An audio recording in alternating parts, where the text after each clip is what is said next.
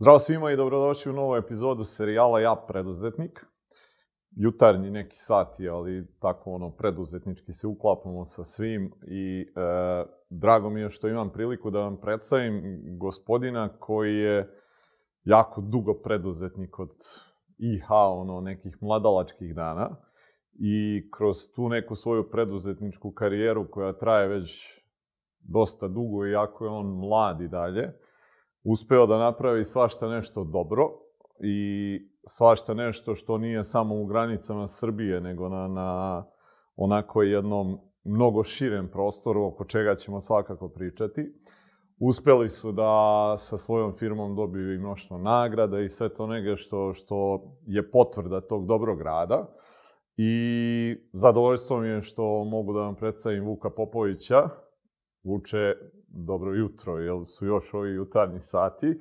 Dobrodošao u serijal Ja preduzetnik i hvala ti na gostoprimstvu ovde kod tebe u firmi, pa da te zamolim da predstaviš i sebe i firmu, šta je to sve što vi radite. Hvala, Đorđe. Ali si me predstavio malo. Reci. e, pa ništa, ja sam Vuk Popović, osnivač e, Quantox Technology. Osnovali smo firmu pre skoro 17 godina, 10. aprila će biti e, rođendan, 17. Ono što radimo, uslužni web, mobile development, pružanje tih programerskih usluga već, eto, 17 godina. Poslujemo u nekih sedam, ne nekih, nego sedam zemalja, 13 kancelarija, 500 i, 500 i nešto ljudi smo taj trenutno brojčno stanje. To je otprilike onako u kratkim crtama, mm -hmm. najkraće moguće. Ok, e sad, e, to sve kad ti ovako kažeš je impozantno i mnogima verovatno koji nas slušaju nedostižno u njihovim glavama, ali iz tog razloga ja želim i da vratim tebe na neke početke, pošto pretpostavljam da ti ovaj, isto u nekim tim početnim svojim preduzetničkim danima nisi možda ni, ni ti sam verovao da ćete možda doći na ovaj neki nivo ili jesi ili nisi, ali ja svakako želim da te vratim sad na neko tvoje odrastanje, pošto znam da si jako brzo već krenuo sa nekim ono preduzetničkim ovaj, radnjama i zarađivanjem novca, pa da nam malo kažeš nešto više o tome. Apsolutno nik, niko nikad nije ni planirao ni i sad se ono nama koji smo ono iznutra to ne deluje tako kako kad neko to drugi navikao malo pre, zato se mi malo zateko kad tako se kažeš, ali jel ja kad pomislim da neko to ima strane kažem wow, super. Nama to ne deluje tako, nama je to day to day operacije, problemi, radosti, svašta nešto. Tako da, moji počeci, mora se vratim baš, baš daleko u svoju, u svoju mladost, zaboravit ću vratno da kažem, 90% stvari, ali otprilike sve je započeo neku, kada sam dobio prvi računar od mog tate.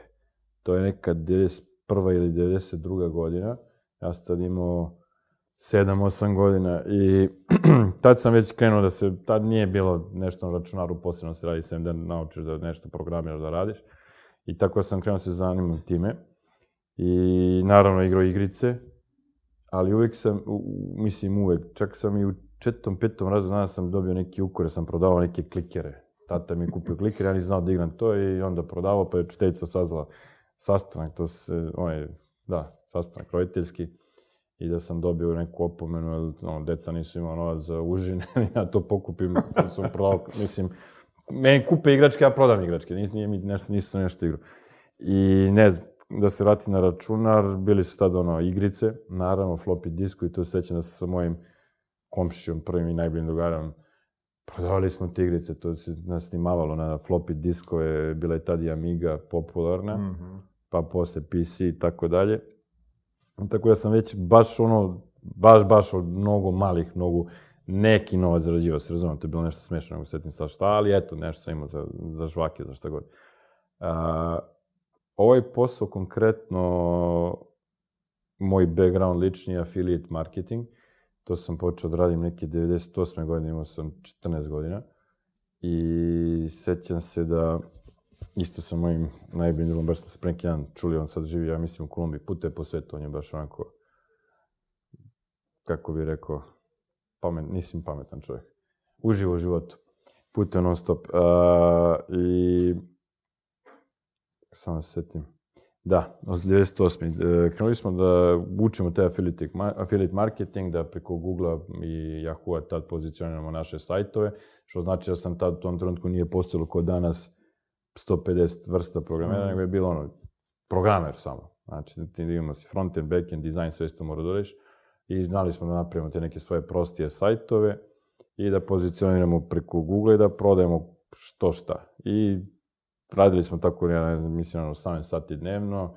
Sjećam se, prvi mesec sam, ne, da, prvi mesec sam zaradio nekih, ne prvi mesec, posle nekoliko meseci to dok je počelo uopšte sada se vezuje, to je 98. krenulo, već je krenulo bombardovanje i prvi mesec sam zaradio bio 36 centi. Sad srećam, to je, to je bilo kao nešto, negdje piše da sam zaradio neki mhm. novac. Drugi mesec isto. Treći mesec je bilo bombardovanje, ja sam e, iz Ćuprije inače, pra kuće do kasarne. Mislim, nije nikakva tužna priča, da se razumemo, ali bombardovanje je bilo, pala bomba u dvorište, srušili kuću i sad mi nemamo, mi smo nešto imali baš gde da živimo, živili smo nekom šat, šatorskom krilu, nije tužna priča, ponavljam, ali tako je bilo, to nije trajalo mhm. puno, to je bilo mesečak dana, ali sećam se da sam ja tad, ono, e, zradio treći mesec, ne, samo sekunde, ne, ne, treći mesec, ja sećam, silazim iz te kuće, izvinjam se, posle toga nam sruše kuću, silazim e, sa sprata, sav sećam, 48 centi. I to, naravno, moj otac mi je rekao da budem mi napravio još jedan račun na dial-upu preko 500 maraka, da će da mi otkine glavu, a ne e, kao proporcionalno moji 48 centi i 500 maraka dial-upa nije baš imalo smisla. Međutim, nama sruše tu kući se i valjda se to tako nakupilo, zarolalo i meni stiže ček, sećam se, na 3000 dolara. I sad, to je bilo fascinantno, kao 3000 dolara ček, svi smo mislili da je prevara, Ali ja sam imao kad, koliko već, tad 15 godina i ja sa majkom, sećam se, mojom, odem u banka, ja mislim da je bila tad, i odemo tamo, tamo ček, pregledaju sve, kažu, ok, izvolite, nemamo dolare da vam isplatimo, u redu marki. nema problema.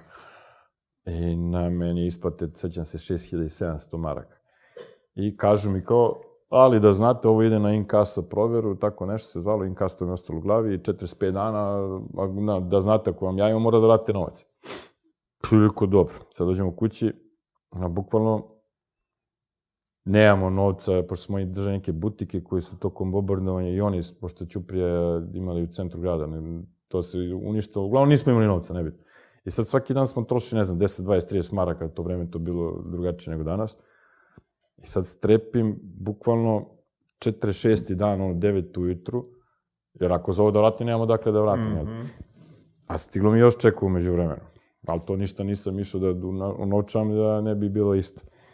I 46. dan ujutru ja zovem, dobro jutro, dobro jutro, ono, 9.01, Vuk ovde, kao, kao, kao vas nismo zvali prvih 7 dana, to je sve okej. Okay. Nek, super. Ja odmah pun gas do banke i ne znam još koliko hiljada sam tada naučio.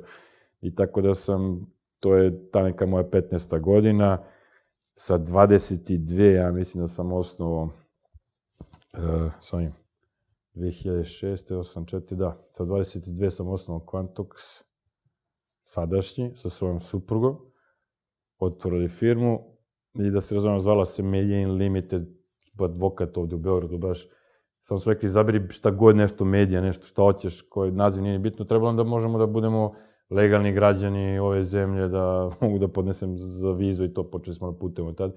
I to je tako krenulo. 2006. 2009. smo za, ne, 2008. smo zaposlili neke prve, prve zaposlenike smo imali, ali tad smo krenuli, tad smo radili, ja sam radio uslužno, ono, freelance, kako se to zove, programiranje i krenuli smo da radimo BPO, Business Process Outsourcing, kao virtual asistent itd. Mm -hmm. I to nije krenulo kao biznis. Znači, firma nije otvorena sa ovom namerom kojim se nas bavi.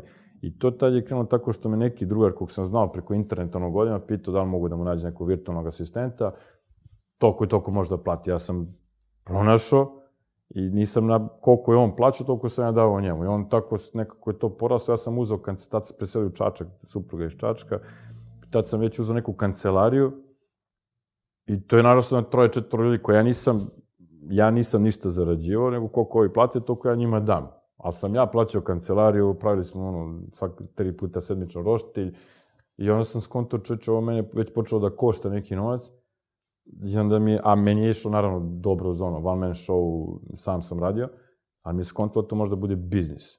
Mm. I tako je krenuo taj virtual assistant, BPO, business process outsourcing. I dan danas imamo jedno 30-40 ljudi koji su u tom odeljenju. Mm -hmm.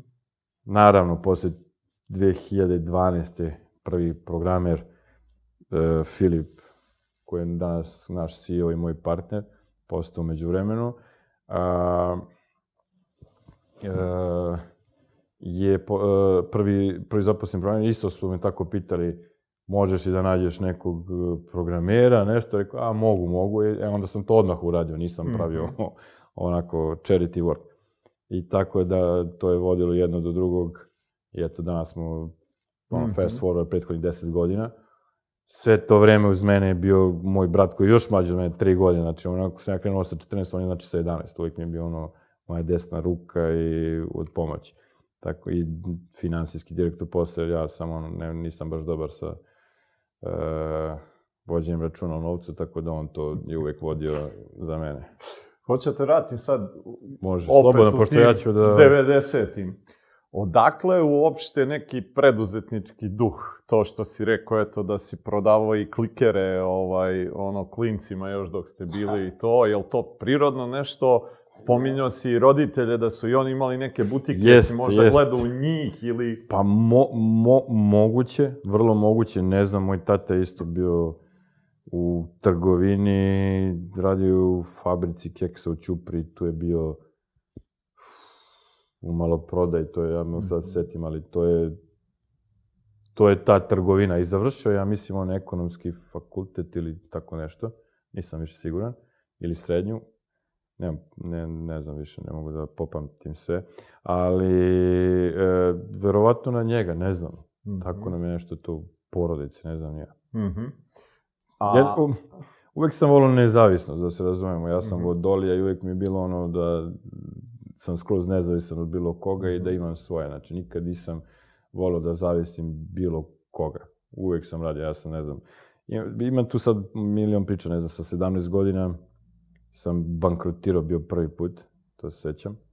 I onda sam otišao u Belgiju i radio sam, uh, sam kako beše, da, 17 godina, mislim da sam imao. Nisam, nisam imao punih 18. Bio sam otišao u Belgiju, radio na građevini, bio tri meseca i neki restoran sam nešto čistio, dva posla sam kao imao i ta tri meseca sam izdržao, skupio novac, vratio se ovde opet, opremio sebi sa taj neki, i to je sve, eto.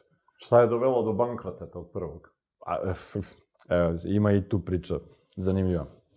Pošto to krenulo meni sa tim što sam radio taj sajt i affiliate marketing, sve super, I onda moj rođak, brat, tetke iz, živi u Parizu, skonta da volio bi da uložimo da to poboljšamo, tako. I mi, ja rekao, ok, super, može sve, ajde, ništa, do, došli smo tu, došli smo u Beograd, ja sam bio Ćupri još uvek, ili Beograd Ćupri, igrao sam basket, pa sam, tu mi sad malo konfuzija gde sam kad bio. -hmm. Uglavnom u Beogradu dolazimo, rentiramo, sećam se stan, to vreme dvosovan, trosovan, ne znam ja, u Narodnog fronta, kupujemo opremu, sve, flat, ekrane itd. I fora je bilo što su trajali neki submitting se radio da sad, da, da ne dajemo, to mi trajalo bi više sati. Uglavnom, eh, taj je bio problem internet. Preko daja lapa, smeo si preko jedne IP adrese, jedan taj da radiš dnevno. Mi smo imali, sećam se, 11 računara, 11 eh, puta smo to radili, imali smo zaposlene i to smo radili taj submitting. Sad dok se to, dok te izlistaju po tim, eh, ne znam, sajtovima i tako dalje i tako dalje, to je sad trebalo da potrebno te četiri meseca i da te izlistaju. I ne znam, tad, tad nije postojao Wi-Fi, to je koja godina. Pff, ne znam ja. Nije bilo Wi-Fi, nije bilo ničega, nego su dobili dozvolu od uh, SUPA da možemo da imamo Wi-Fi, pa kupili svašta neki što od opreme. Tek sam posle skontao da smo mi mogli da budemo provider, ali ajde, to smo potrošili neki ogromni pa, novac, ne, ne mi, ne ja toliko, 90% taj moj brat od tetke. Ali posle 3-4 meseca smo mi skontali da mi izrađujemo ništa i da se ništa ne dešava. Dok ja nisam skonto da su nama ba, te IP adrese ono isti, da su nas banovali svuda. Naravno, tu se potrošio novac i Mhm. To je bilo to. Ostali smo bez pare i ja i moj porazer.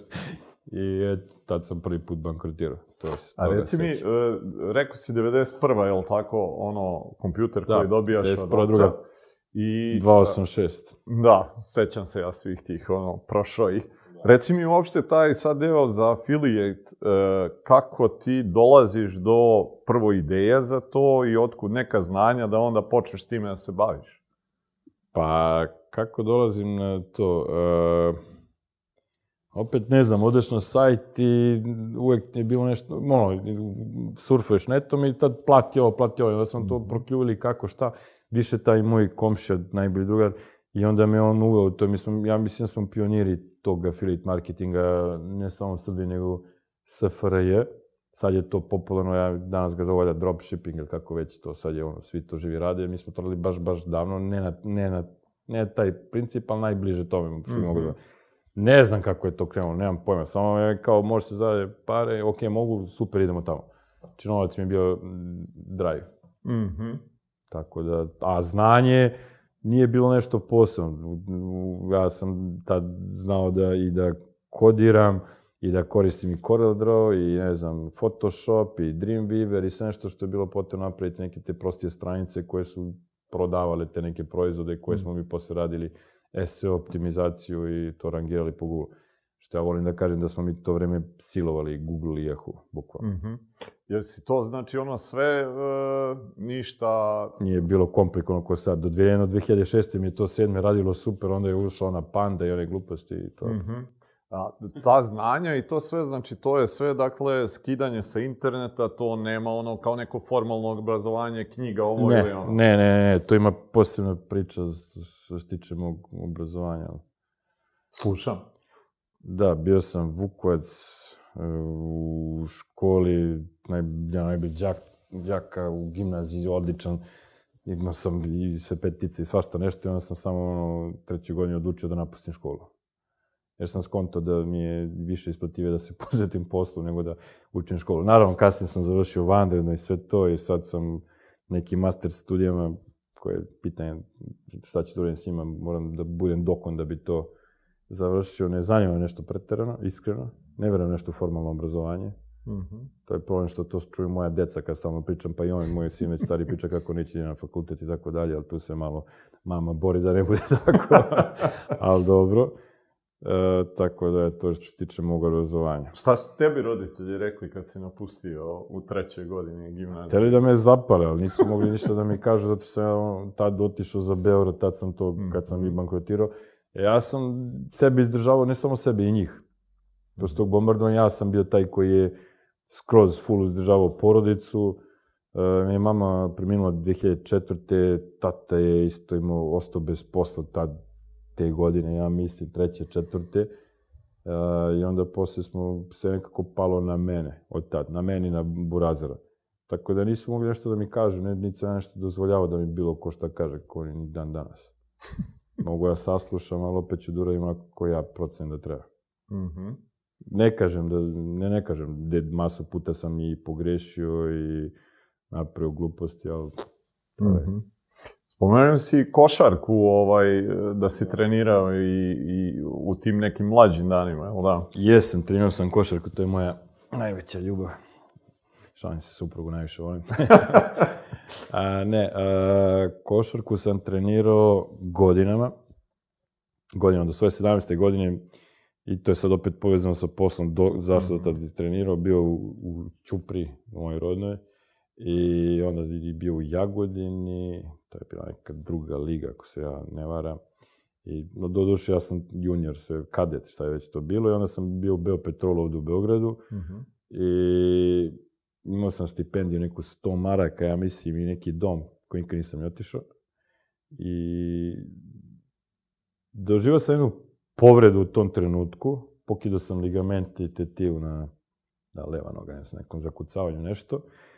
I kako je taj oporavak, to, vreme, ja znam da sam nešto bio u gipsu, četiri, da, 7 mjeseci ukupno, četiri mjeseca sam bio u gipsu. Onda sam otišao na jedan trening na sve, sa sve štakama i kako je lopta krenula ka meni, ja bacim štak, duzem loptu, nešto, znaš šta je bilo, promo i izvane moj drugi zglob. Ajde da se me jevrija, ali nebitno, naravno, dešava se. meni. I 7 meseci neki provedem u gipsu, sve, vreme, sve to vreme radim, I onda skontam da ja mnogo više zarađujem od tih 100 maraka. I naravno, tad klinac, dete, ja sam kupio svoj auto, nisam imao ni dozvolu ni ništa. Imao sam posle zabrano polaganje i tako dalje. Tako da, naravno.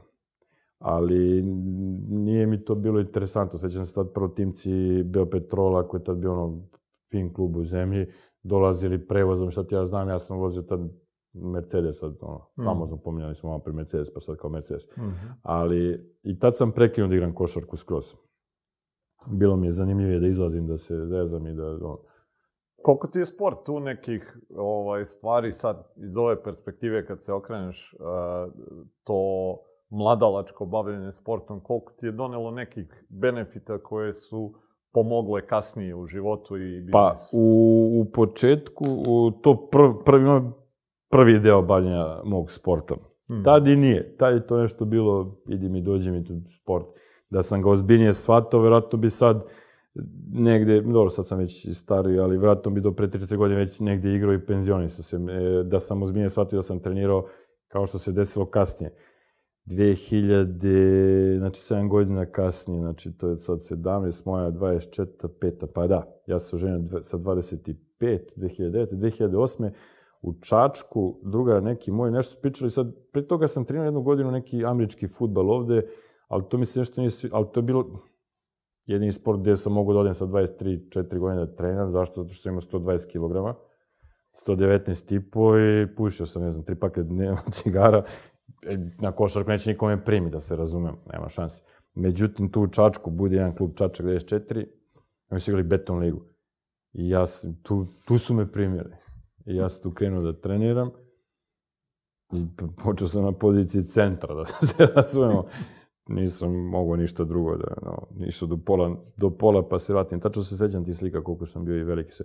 I međutim, ja tu dovedem svoju liniju u red i e, igrali smo tu godinama tu beton ligu, drugu srpsku i tako dalje i onda smo preuzeli klub, brat, i, i, brat i ja, pre nekih 6-7 godina i moj kum koji, kog sam upoznao kroz košarku je u tu klubu i jedan moj direktor kog sam isto upoznao kroz košarku. Inače u firmi radi jedno 25 bivših košarkaša, verovatno, mm -hmm. koje sam upoznao tako tokom godina. I preuzeli smo klub, pa ne znam sad tačno koje godine, 2006. na 17. I prvoj sezoni osvojimo drugu srpsku kad smo preuzeli. Onda smo igrali dve sezone, drugu srpsku, onda smo igrali dve sezone u prvoj srpskoj. Pa smo osvojili nju, pa smo sledeći igrali B ligu, to je prošle sezone, pa smo osvojili B i evo sad smo trenutno u KLS-u, grčevito se borimo za opstanak, ali dobro, kao, kao debitanti u KLS-u ima tu puno spoticanja, da tako kažem, mm -hmm. i svak, svačega, nečega do koje treba se nauči. Inače, Mionicu znam isključivo po basketu, tamo sam dolazili mm -hmm. igrali. Odakle ste vi? Tako da, eto, to što se tiče košarke, evo sad, pre neki dan smo konačno dogovorili, našli smo u zemlju, pravimo neki sportski, sportski, mi ga zovemo kompleks, nije to kompleks, to su dva balona za indoor i dva ili tri trenera će biti iz polja, ali nebitno, to je nama ono čačko mm -hmm. za našu nešto, za našu dušu. Mm -hmm. Tako je to se tiče košarke, a da, Ćuprija, recimo, moj rodni grad, 98. sam, 9. ja igrao poslednju sezonu tamo, nisam ni, mislim, igrao sam tu kadetsku, ili koji sad sam već tad bio kadet pionja pojemen ja, i bio sam priključen prvom timu, ja, imao sam možda neki minut skupio.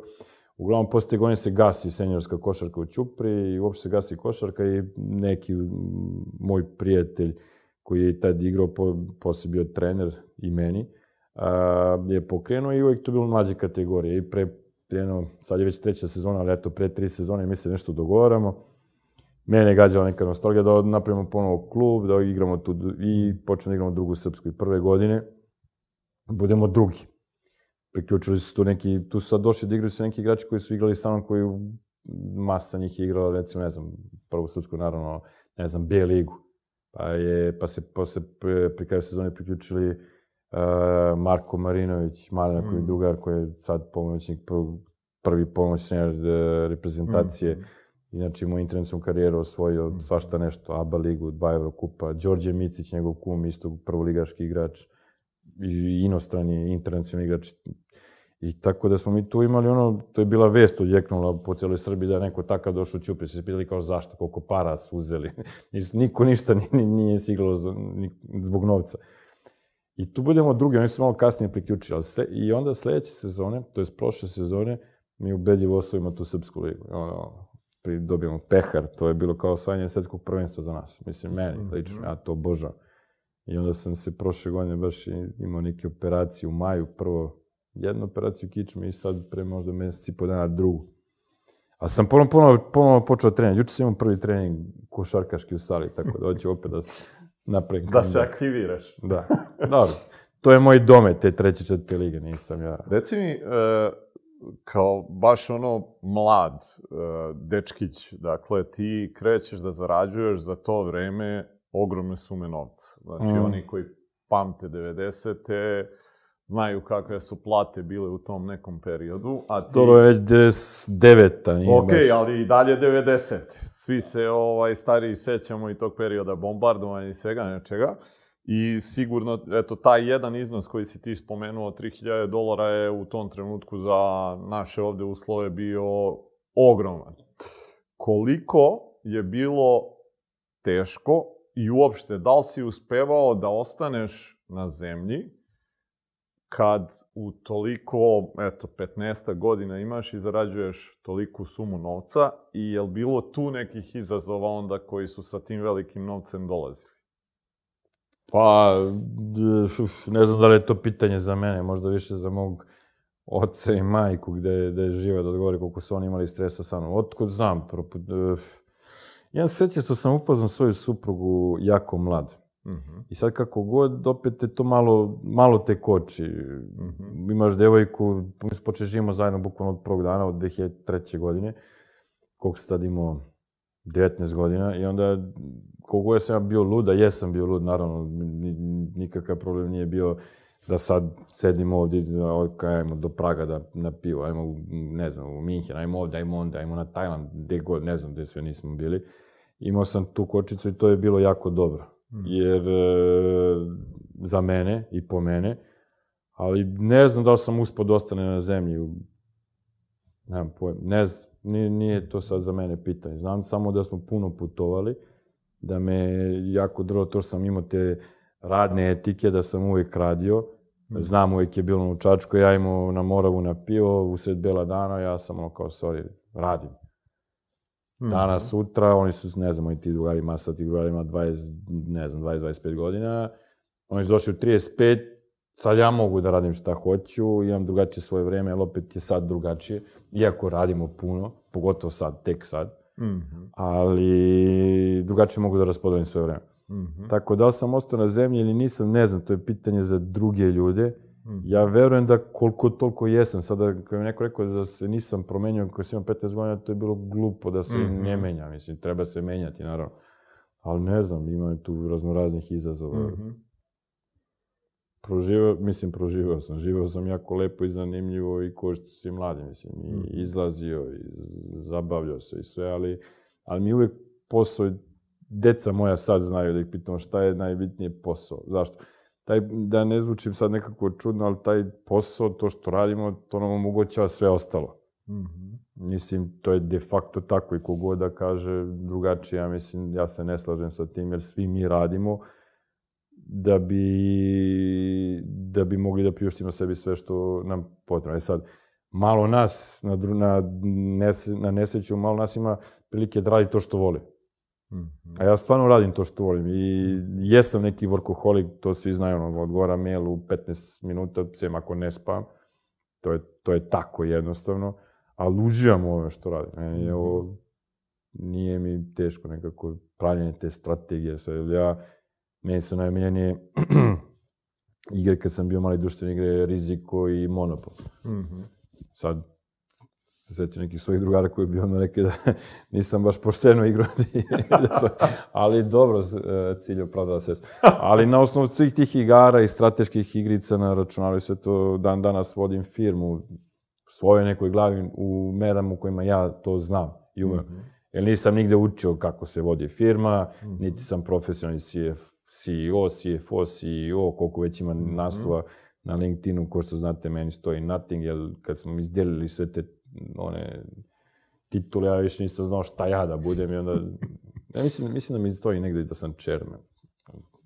Ali, to je Reci da mi, izgleda prelazak iz Ćuprije ovaj, u Beograd, kako ti je to sve izgledalo? Odlazak iz rodnog mesta, dolazak ovde, je li to nosilo neke ono izazove ili je to bila lagana tranzicija? Lagano, to je, i to je bilo toliko davno, ja mislim da sam sa, ja ne znam više s koliko, s 15 godina, ja mislim da sam došao već ovdje zbog košarke u načelu, 15-16, ali 16. Tako, ne znam, ja više ne mogu da pohvatam sve to. Ali nije. Nije. Ja sad nekako nemam osjećaj kod da živim u Beogradu. Meni... I opet smo na relaciji Čačak-Beograd dosta, pošto smo Mhm. Živio tad u Beogradu, pa smo supruga i ja došli da živimo ovdje 2005. ja mislim, pa smo živjeli do 2006. 7. Ja smo u tom trenutku imali neki novac i htjeli da kupimo, se, živjeli smo u Novom Beogradu i htjeli da kupimo kao stan, tad je bio kvadrat čak 1600 eura, sećam se. S obzirom danas koja je ludnica, ili je tad sad jedno četiri. Ali i onda smo skontali da je bolje da uložimo u neki novac, u neki biznis, da bi to pravilo novac, da ne napravimo sebi liability, nego neki asset nešto. I onda, pošto je supruga završila višu medicinsku, u Ćupri, tako smo se upoznali, pošto nije njena škola preko puta moje kuće, porodične. I e, tad smo odlučili da, je, da, da nešto uradimo povodom tog pitanja njenog, da ona nešto otvori njenu neku ordinaciju, nešto. Naravno, ta ordinacija prerasla u ceo kompletni spa centar, koji smo napravili sem, sve sem bazena, smo imali u Čačku, ali to je sad koja, 2008. godina u Čačku. Naravno, mi smo ono, klinci, 20, koliko, 4 godine, svi te šibaju kako stignu i sve plaćaš više nego što treba. I uglavnom smo mi to pukli, to je sve ono propalo, ali smo se tako vratili u Čačak. I onda smo ponovo odlučili da dođemo ovdje zbog dece i zbog njihove škole, su oni upisali školu ovdje, i evo koliko za njih, šest, šest godina. I ja sam putovao stalno Beograd, Čačak, jer smo imali kancelariju ovdje, u Čačku i u Beogradu tad. I onda je bilo kao da se ne odvajamo, pošto smo jako vezani, jako puno vremena proveli zajedno. Ali pošto smo tek skontali da i ne moram da bude, tek je krenulo da više si remote nego što si, mislim, i pre, ove, i pre svega ovoga, jer ja sam uvek više vol, više, uvek sam radio od kuće, meni remote ono sasvim prirodan. Ali eto, smo zaglavili u Beogradu. Sad kad smo hteli da se vratimo za Čačak, deca nije imala šanse, ono kao škola, škola. Tako da eto, tu smo. E, prvi bankrot, odlaziš na ono fizički rad maltene u Belgiju. Prolazi li ti tad u glavi ono kao odustajanje od privatnog biznisa i nečega sopstvenog ili se to nikad nije dovodilo u pitanje? Nikad, apsolutno.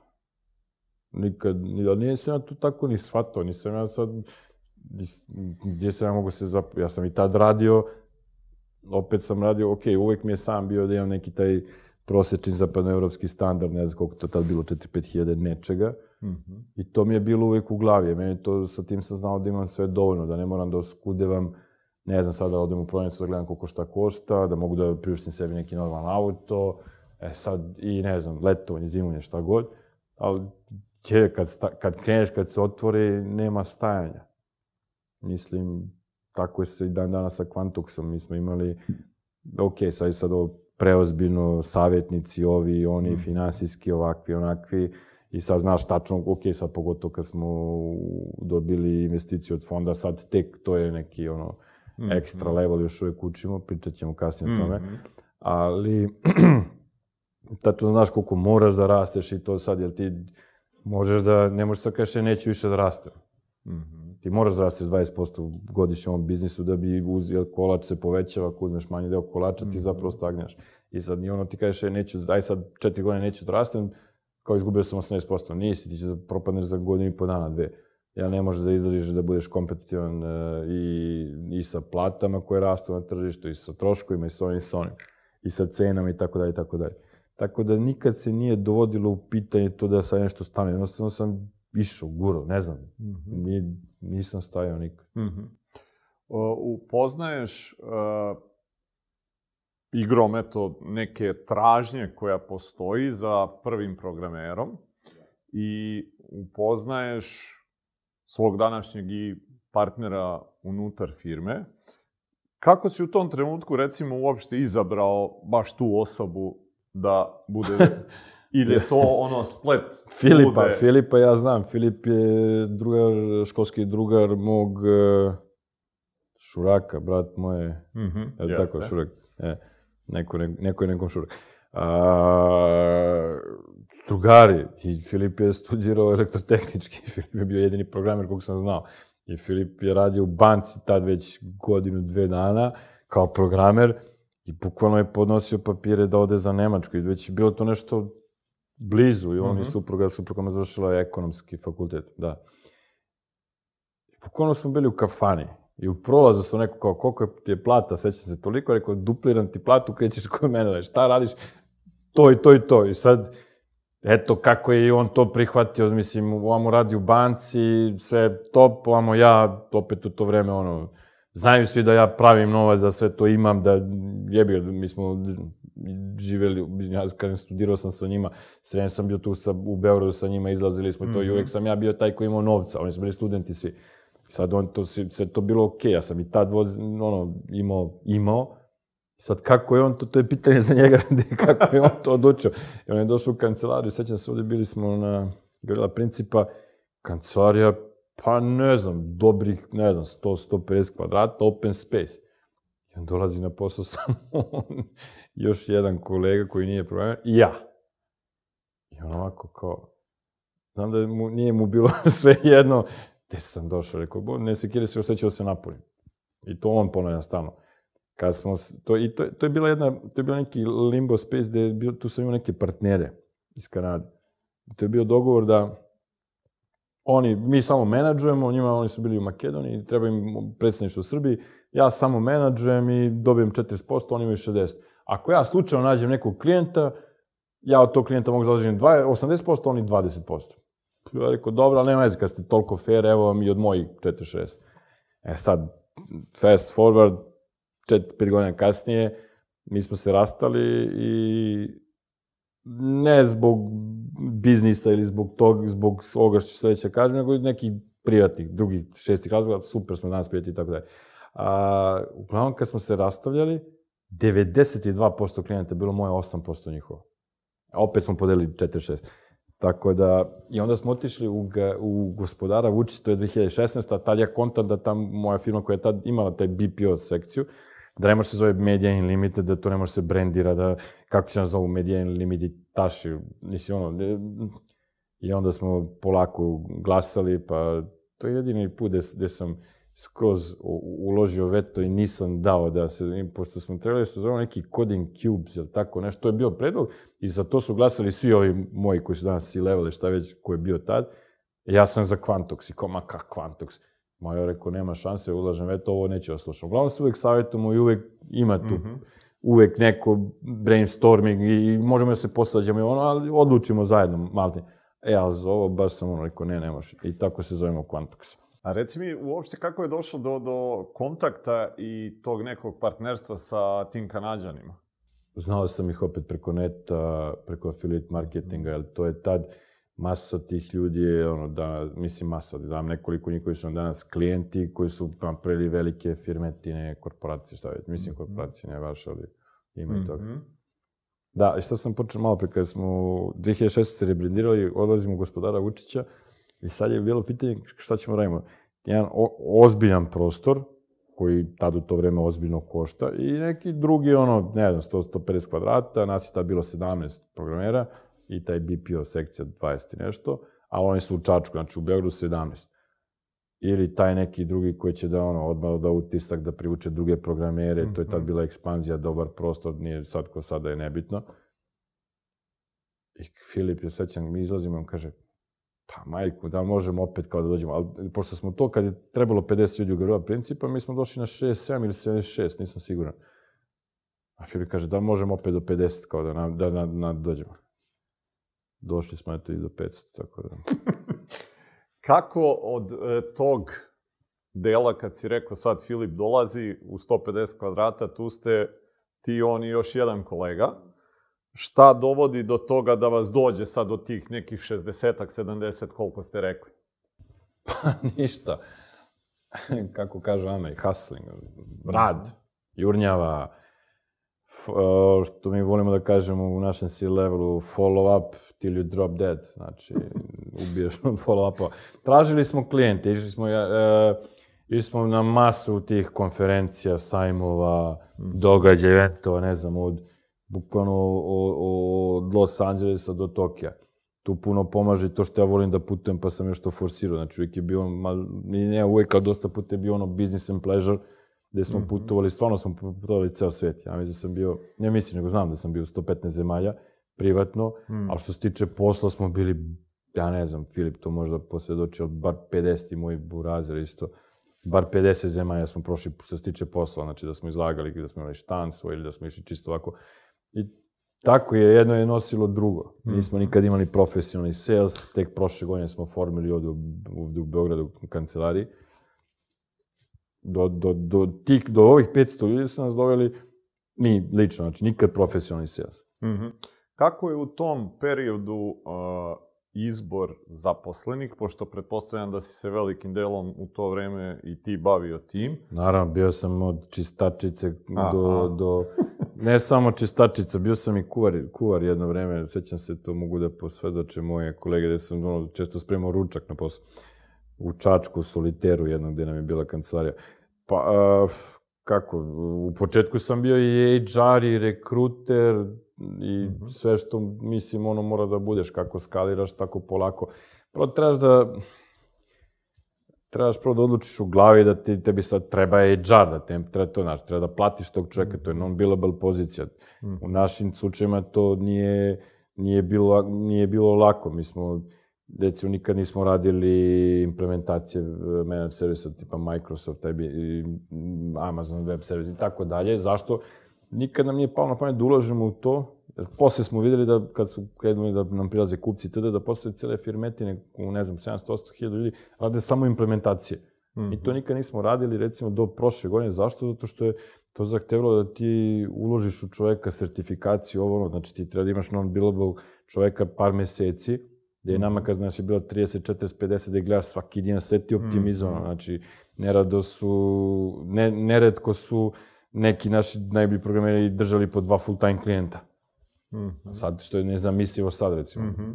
E, i onda mora ti cikne to u glavi da mora da se to radiš, ali ti sad 50 i sad to sad samo prokliza i ide dalje, onda peglaš stvari, uziš i su standard i tada, i onda kontaš, e, pa mi kao ne radimo ovo. Ok, sad možemo da krenemo da uložimo u to, pa smo tako formirali prošle godine, ne znam, blockchain team gde smo sertifikovali 10, 11, 11 ljudi zapravo, pa je big data, AI, big data, pa managed service team, gde su to, ne znam, već, ne znam, 20 ljudi, verovatno, koji su non-billable, koji su e, stručnjaci koji imaju visoke plate, ali ti to možda podneseš mm -hmm. kasnije, u tom trenutku ti je na pamet. Ali tako je došlo do mm -hmm. toga što se pitali da napravimo celu hijerarhiju sad, mm -hmm. ono mhm. kako imamo, to se već profesionalno. A kako ti u tim uh, danima, kad si se bavio zapošljavanjem ti konkretno, na osnovu čega si birao ono ljude koji ti se e, jave za neke pozicije u tim? Je to bilo daj šta daš ili si pa gledao malo Pa nije, što se tiče, što se tiče, nije, to je 2012. 13. 14. godina, nije 15. 16. 17. to nije bilo mhm. kao posljednjih godinu, dve, tipa, ne znam, prva polovina 22. 21. 20. nije bilo tako daj šta daš. Inače, nismo baš baš to tako daj šta daš. Mm -hmm. Znači, uvijek je bilo ono da se prođe tehnički ono, test, intervju, pa sam ja išao na ovu soft skills. Mm -hmm. Jer verujem da me umem sa ljudima. Ili sam barem umeo, dok evo nisam izgubio i kosu i se živo. to je težak posao. Posao HR-a u tom smislu da je u ljudskim odnosima je težak, kao i raditi se sa ljudima. Ima mil, milion nekih tih uh, ličnosti ovakvih i onakvih i to treba se stomak da gastritis da i to sam imao. A, 2015. sam to dobio, to se sećam. A, do laknul, um, 2016. ide priča kroz firmu, jedan kolega kaže, kao, ma šta se sekiraš, Vuki, onako neće nikad te otpusti. Ali ja to ne mogu da otpustim ljude, meni to... Ja, I onda mi skontamo, neće Vuk, ali ima ko hoće. Onda je Filip došao tu. Ja sam Filipa zvao ono od početka, de, kad je bio lead developer, naci lead. On je, on je, on je onako kako treba da se bude u poslu. Ja sam sad, no, juče smo imali neke pregovore gde on je odradio, on je odradio ono što bi ja odradio, a ja to nemam nekako herca, ne znam, ne mogu kažem nekom ne, ili to je jedan problem s tim, ali, ali dobro, šta ćemo, tako da je Filip tad 2016. bilo nas je 50-ak, zarotirao celu firmu, polako promenio sve, uveo novu krv, mm -hmm. fresh blood, tako da, da. Kad počinjete ono neke formalne uh, sisteme i strukturu dve, ili neki menadžment da pravi? 2017. Mm -hmm. 2016. na 17. mi zapošljamo nekih osam project menadžera. I de, ta godina se dešava da mi budemo u nekom ogromnom minusu, da je jedno, na jedno 3, 4, 5 velikih projekata smo sve propastili što smo mogli da upropastimo. I to, to prvi put nismo vodili Filip, ja, e, Daniel, koji je još bio tu, ne znam, Milutin, i nemam pojma. Nismo vodili taj neki prvi krug ljudi, nego smo dali tim project managerima. E sad, šta se dešava, da su ti project manageri u to vreme još uvek još uvijek to nije bilo razvijeno, taj middle management kod nas. I oni nisu imali nekog iskustva. Oni dolazi kao project manager sa nek, nekih tamo pozicija, gdje da ja smatram da bi bio dobar project manager, moraš da znaš tehnički prvo da, ne, prvo da bi mogao da razgovaraš sa programerom, da ga razumeš, da on tebe razume, da znaš kad on hvata krivine ili ne, da ne može da ti kaže, ne znam, eh, deadline ili estimate toliki, pa onda bude ovoliki. Uglavnom smo mi tu skroz ono, baš smo bili, baš smo bili loše finansijski i gde smo otpustili sve te ljude, zadržali smo jednog, on je dan danas tu. Uh, on je bio kvalitetan baš i uh, tad smo krenuli da pravimo taj sistem, pa smo uveli, ne znam, ISO standarde 9000, tad nismo uzeli sertifikat, kad skoro smo uzeli 9027, jer tad nam nije bilo bitno da dobijemo papir, nego da naučimo te procese. Mm -hmm. Da imamo hijerarhiju, sve postavljeno, mm -hmm. kako, šta, kome ali to je ongoing borba, to nikad nije tamo, mislimo sve je super, sve mm. nam ide kako treba, i jedan put neki ono kuršos požar, ne, šta se desi da sve ode u klinac, ali mm. i onda opet ispravlja i vraćaj se, ima bolje i za to, mm. jer ti napravi sistem, ne znam, za 200 ljudi, ti odeš na 300, mm. to nije isto, dođeš na 500, to tek nije isto, mm. pa smo uveli od 2019. Uh, e, druge zemlje. Otvorili smo Makedoniju, Ukrajinu, Posle smo dodali Bosnu, Rumuniju, Nemačku, Crnu Goru, pa je tek onda to sve drugačije. Znam sad kad smo radili due diligence, kad je dolazio ovaj fond, kad smo dobili investiciju, to je tek bilo sedam zemalja, sedam zakona, sedam grupa advokata smo imali iz svake zemlje. Mm -hmm. Tako da, ali nekako smo mi to, ceo taj sistem de, decentralizovan, a centralizovan, ne znam, nekako mm -hmm. nam to mhm. išlo od ruke. Ne znam, mm -hmm. ne znam ja. Je li bilo ono izazova tu m, sa delegiranjem malo i prepuštanjem nekih stvari kad ti sad ono, eto, posluješ dugo godina na jedan način gde je verovatno sve to centralizovano, pa ti sad treba to da delegiraš nekim ljudima. Pa bilo je to ono malo pre što neko treba da klikne. Mm -hmm. Bilo je, ali meni je to brzo došlo. Nije brzo, nego dugo sam ja u svemu tome. I onda jednostavno sam opet... E, i te 2012. kad je Filip došao, ja sam već tad bio finansijski nezavisan, da ne kažem mm. bezbeđen. Mm -hmm. Imali smo i kući, i stanove, sve živo, i kola, i, i nije mi sad bilo toliko da ja sad moram to. Mm -hmm. Tako da sam nekako prepustio. Radio sam puno sa, i sa Filipom, ja lično, mi radimo i dan danas, ali radili smo i dok on nije jednostavno, ono, tad nema, on ima svoje zaduženja, ono, ne zanima me, ne pitam ga, ni, imam potpuno poverenje u njega. I drugim ljudima dajemo, i dan danas, puno delegi, mora se delegira, ne može drugačije. Jel ima grešaka? Ima. Ali će da uradi isto ko što bi ja možda, mislim da bi ja uradio, mislim da neće, jer ja ću to da uradim najbolje što ja mogu, mislići bar, možda, ali, ali mora tako, mhm. mora. A milion puta smo imali probleme i koštalo nas je i finansijski, i živac i ovako, onako, ali puno puta smo i dobili dosta. Mm -hmm. Jer i drugačije sad, recimo, mi smo sad u poziciji da jurimo i zapošljamo popuno A++ ljude, bla, bla, bla, mm -hmm. bolje ljude od nas. Ali jeste de facto tako, došlo je sad dvoje ljudi koji su stvarno, ono, imaju iskustva, vodili neke firme, imaju internacionalno iskustvo, ovako, onako, i to je čovjek koji stvarno ti do, donese nešto, jer ti zna jednostavno. Mm -hmm. Znači, ne, ne da ih mi pravimo, nego sad i dovodimo pojačanja. I naravno pravimo i mi Mm -hmm. trudimo se da napravimo ljude. Ali mislim da je sve od delegiranja. To mora. Mm -hmm. Ali da moraš da imaš stomak, da znaš da će taj neko da... Ne kažem da će da pogreši, ali u tvojoj, mojoj glavi, ako ne uradi kako sam ja uradio, to je kao već greška. Mhm. E, to mora da skontraš da to možda i nije greška, nego će posle ti pokaže to Mhm. možda mnogo bolje nego što, ti, što bi ti uradio. Mm -hmm. Ja kažeš hvala, skineš kapu i... Mhm.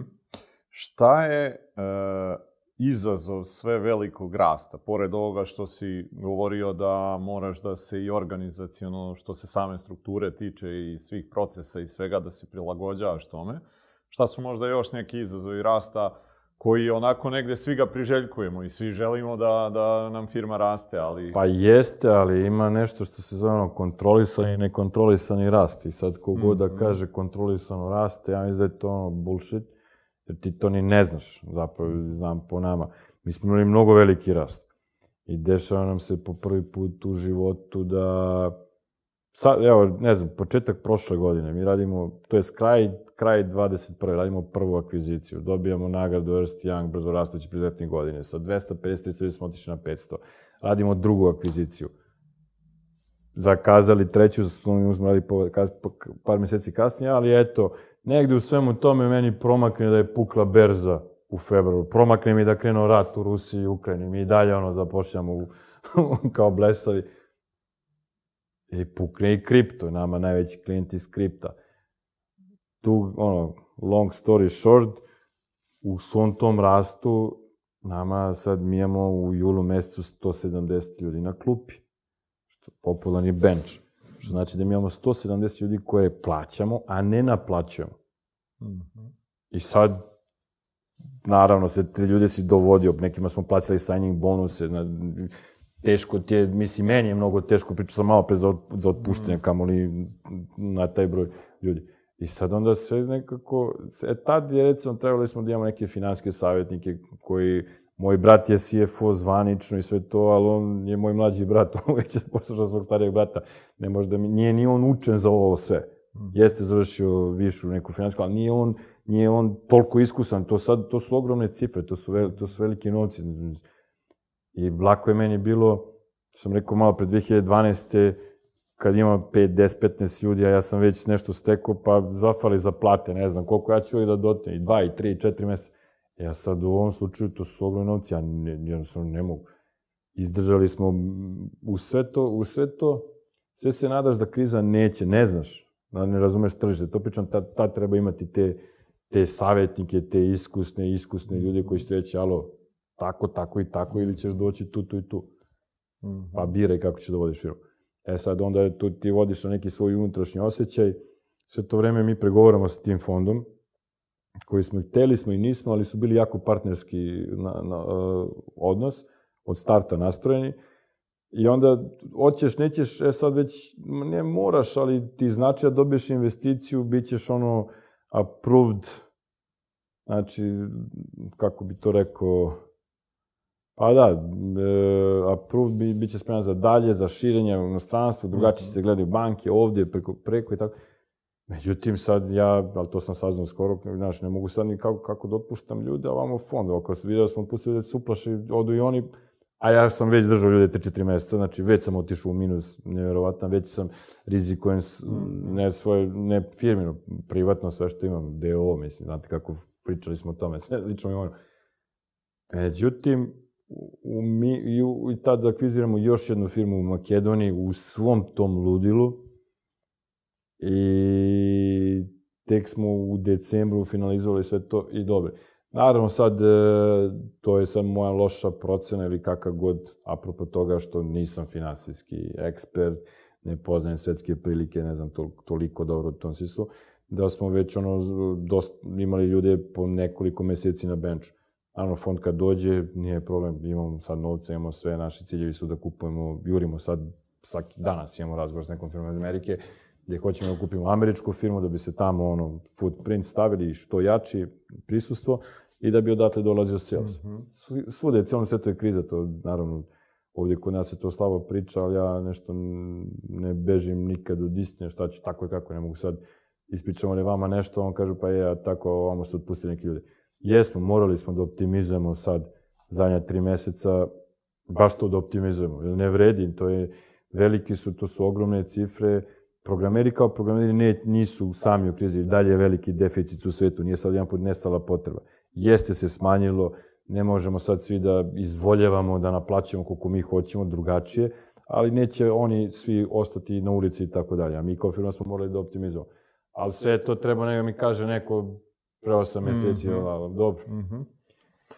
Rekao si da ste akvizirali e, neke firme i sad me zanima iz pozicije same akvizicije. E, koliko bude lako ili teško akvizirati e, novu kompaniju već negde postojeći sistem koji vi imate? E, ajde ovako. Prva akvizicija je bila neka kompanija gde sam ja već imao nekog udela u, u, u vlasništvu i verujem da je bilo okej. Okay. Ali smo tu naučili, ali to su firme 30, 50 ljudi. Nije to puno na našu veličinu, to samo pretoči. A, verujem da je ona bila lošija nego druga. Jer smo tu onda videli to, to, to, to, to. Od same prijave zaposlenih, gde, ne znam sad, ne mogu, ne krijem nikog iz moje firme, jer moj, e, naš HR, naš accounting je rasto sa nama. Nismo sad dobili nekog onog ko zna, iz, ne znam, prosta stvar gde smo imali priliku da prijavimo sve te zaposlene, pošto dolaze firme koja ima manje od 30 zaposlenih, nešto je bilo na agencija, manje od 30 zaposlenih na ugovor o radu, da ih prijavimo, recimo, na primer, za još dodatne one beneficije koje država daje, još onih dve godine. I mi sad to nismo znali, tu smo naravno mogli da uštedimo mnogo za tih 30 ljudi. Nismo. Sad, za sledeće smo to znali. Dajem sad neki banalan primjer kako se sećam. Od samog onboardinga tih ljudi, e, mi smo sad veća firma, oni su manji, 34 ljudi, naviki su na više pažnje, na drugačije to, mi smo do 20-25 ljudi bili ono ko porodica, išli svi ko jedan drug na slavu na itd. Tako da, to pa sad ne znam, sami ti ne, e, radionice, workshopovi, kako god, e, materijali koji treba dobiti dok kad smo radili ovu treću akviziciju u Makedoniji, mislim da smo to radili, to smo radili u novembru, da smo radili poprilično profesionalno, do tad smo naučili, imali mnogo iskustva pričajući sa tim fondovima. U ostalom, nisu to samo fondovi, mi smo imali nekoliko ponuda, tri, tri, ponude, tri ponude smo odbili dve, dva, dva, dva, 2021. da, 2021. Još dve ponude smo u 22. i s ovima smo se na kraju odlučili da uđemo u partnership puno smo naučili svi ti priče. To je puno, to je mnogo teško, znači taj due diligence i sve to, to ne do bog nikome. Ali, ali puno smo naučili i svih ti, naravno, sve te firme koje su ne, u mahom, mi nismo interesantni sad, ne znam, za neke američke firme, to, to je mahom neka centralno-istočna Evropa i ovde Balkan, Rumunija, Bugarska. Rumunija i Bugarska ima puno velikih firme, ali smo puno naučili od njih, kako oni rade, kako oni tada Tako da se to bio onako, pro, naučili su oni puno o našem tržištu, verovatno, i tada i često strpe se informacije, ali smo prošli dva due diligence pre ovoga, gde smo onda na kraju odustali. Nije, nije nam se svidilo. Meni je bitan taj partnerski odnos. Ja ne mogu ako... Bilo je neka glupost. Sve smo dogovorili, sve i onda je... Bukvalno jedan milion je bio u pitanju koji su oni hteli da smaknu. Ja bi im sam to dao pitaj, ne moraš mi neke fore tu da me okratiš, ali ja sam rekao, ovo nisu partneri za nas, kad oni sad hoće ovako da me zeznu. Ali dobro, to je ono što ja nisam skroz poslovan u tom smislu, jer nemam poslovnog iskustva, sve ovo što radim sam. Mislim, samo možda sam se ceo život radio, nigde nisam radio da dobijem to neko korporativno iskustva. Vjerojatno je to tako, ovako svako pregovara za sebe uslov. Ja nisam takav, ja sprenkinam izludno na neke partnere. Neko čeče što meni odmah ne kažeš najbolje uslov, nego mi pričaš tu ovako, a može i bolje. Smo partneri ili nismo, odmah mi reci, ja sam bar takav. Ta, to ti je što ti je, nemam bolje od toga, ne bi ti nešto zavlačio, ali dobro. Zato ću zaposliti još više savjetnika, pa ćemo to da radi umesto mene. Mnogo je bolje. Šta su stvari koje se ti morao da menjaš kroz sebe u, u zadnjih, eto, nekih 6-7 godina, koliko taj veliki rast i postoji i kako je firma izrasla iz relativno male, da kažemo, u sada već ozbiljno i što se broja zaposlenih tiče. Ne znam šta sam morao da menjam. Mada to je išlo nekako ono, samo u sebi. Ne, Recimo, ja sam dobar sa organizacijom vremena. Mi sve vreme ovo, red, ajde, ne sada, ali da se vratimo dve godine unazad gde ja igram za tu Ćupi u košarku, gde ja putujem, pre toga sam u Čačku igrao, isto sam putovao, a, gde, ne znam, tri, četiri puta plus utakmica, tri, četiri puta ja sedmično sednem u kola, odem za Ćupriju, to je sad tipa odavde, treniram i vratim se, to je ta moja volja. Ja imam taj, taj neki, ne znam, nija, tu upornost, šta već. I odem i treniram i sve vreme vo- vodim i firmu i, sve, i opet stignem da sam sa mojim klincima, bar 2-3 sata dnevno svakog dana, radim od kuće, tu, ne znam, nekako to sve, ne znam šta sam morao da menjam. Ne znam, baš ne znam. To je možda pitanje i za nekog oko TV, pa da vidimo. Verovatno ovaj. bi oni mogli da primete. Možda, mislim, dobro, ne idem više po klubovima. i to. ne mogu da izdržim da sam budan do, do kasnih sati, pa da, ono, ujutru ustajem.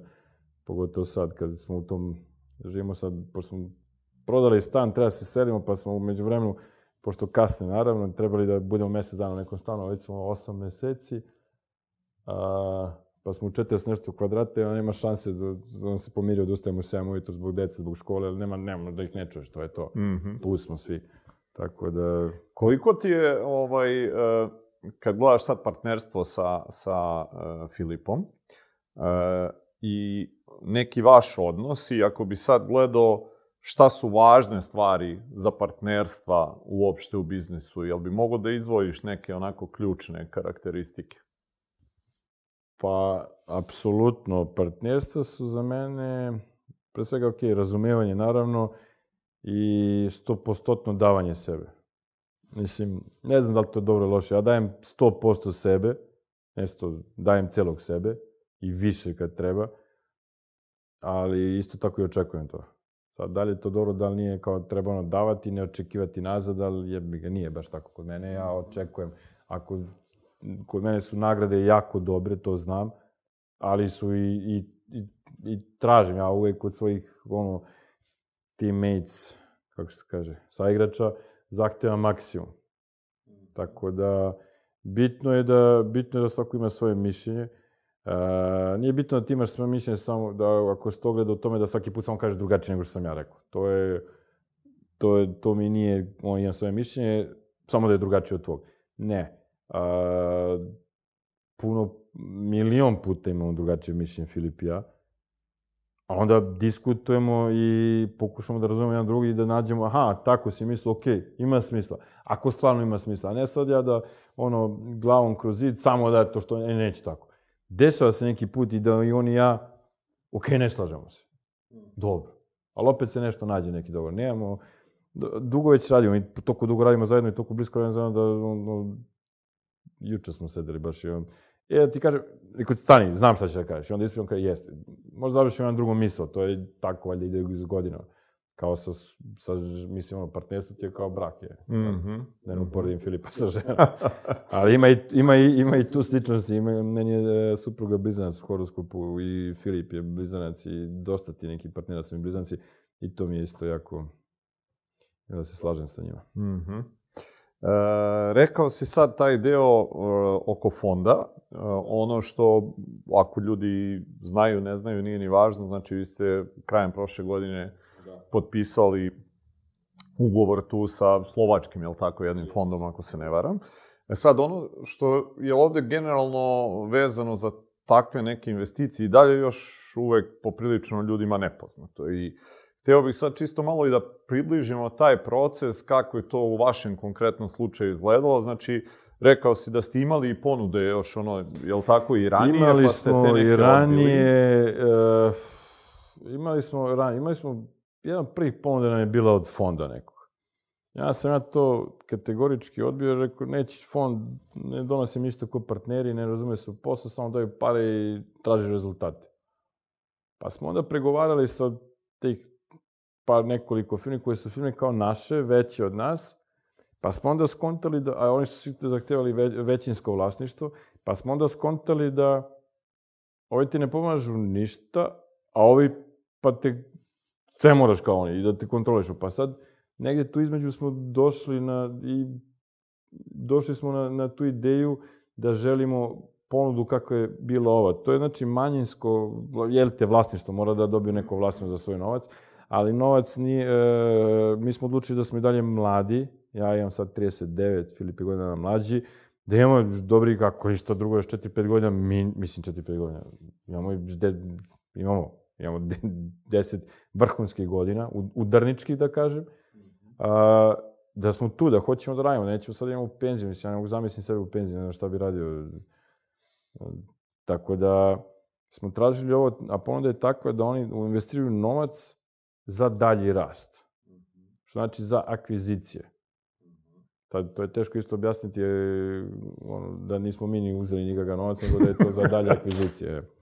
Tako da je nama to, takav je, takav je deal, tak, naš deal je takav, ima drugačijih. Ovi se, ove druge firme koje su kao naše, one su sve bilo da ono kupe 6%, daju nama lično novac kao vlasnicima, tih 40% posle mi prodajemo danas, sutra i tako dalje. I to je sve super, ne kažem, sve ok, ali eto, nama, je, nama se ovo učinilo kao najbolja ponuda. E, kad uzimaš investiciju ovako, ona nosi s time da daješ manje procenta, nisu isti procenti za buyout i za akvizicije. Tako da, eto, to nam se učinilo ok.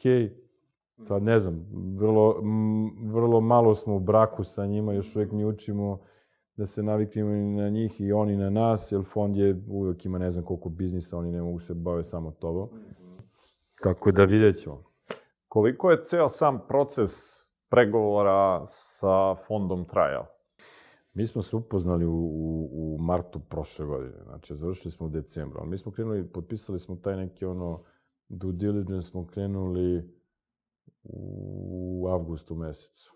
Znači, avgust, oktober, novembar, decembar, manje od pet meseci. Mi smo to nešto ekstremno brzo uradili i njihovom interesu je bilo, s obzirom da u Silicon Valley nije bilo investicija, ja mislim sad ne razumem se tako kako idu ona runda E, C, D, šta god. Uglavnom tih investicija preko 10 miliona kvote, posljednji kvoter, pre neki dan sam slušao to, sada li istin to nije, ne znam, ali da je u četvrtom kvoteru u Silicon Valley bilo nula takvih investicija. Sad, da li preko 10 miliona ili ne, nisam siguran, i da uopšte u Srbiji prošle godine, pričam za srpske firme, sad, pošto smo mi srpska firma, -hmm. mi nismo nigde ništa inkorporate, znači, ono, DO pure, uh, srpske pare, šta god, uh, bili smo najveća investicija domaće firme. Bilo je, bilo je nekih investicija gde su naše firme koje opet posluju tamo negde, ali, ali ok, koje su podigle više novca, ali nisu de facto srpske, srpske firme, nego negde, ok, nećemo ni, ni, mi biti, ni mi sad moramo da se inkorporujemo tamo negde, ali dobro. I hoću da kažem da je, e, inače, bila među prvih deset najvećih investicija prošle godine, jer se mnogo smanjilo to.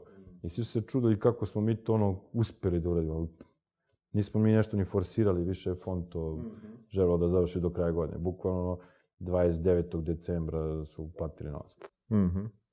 Sad, kratak je period ovaj, e, tog partnerstva sa njima, ali šta su neke stvari evo, za, za ovih par meseci ovaj, što su možda drugačije u odnosu kakve su bile pre? Controlling, finansijski deo, to je mnogo drugačije. Zašto? E, mi smo do sad sve radili u čuvenim, to mo, u moj najbliži sad u mojim Excelima.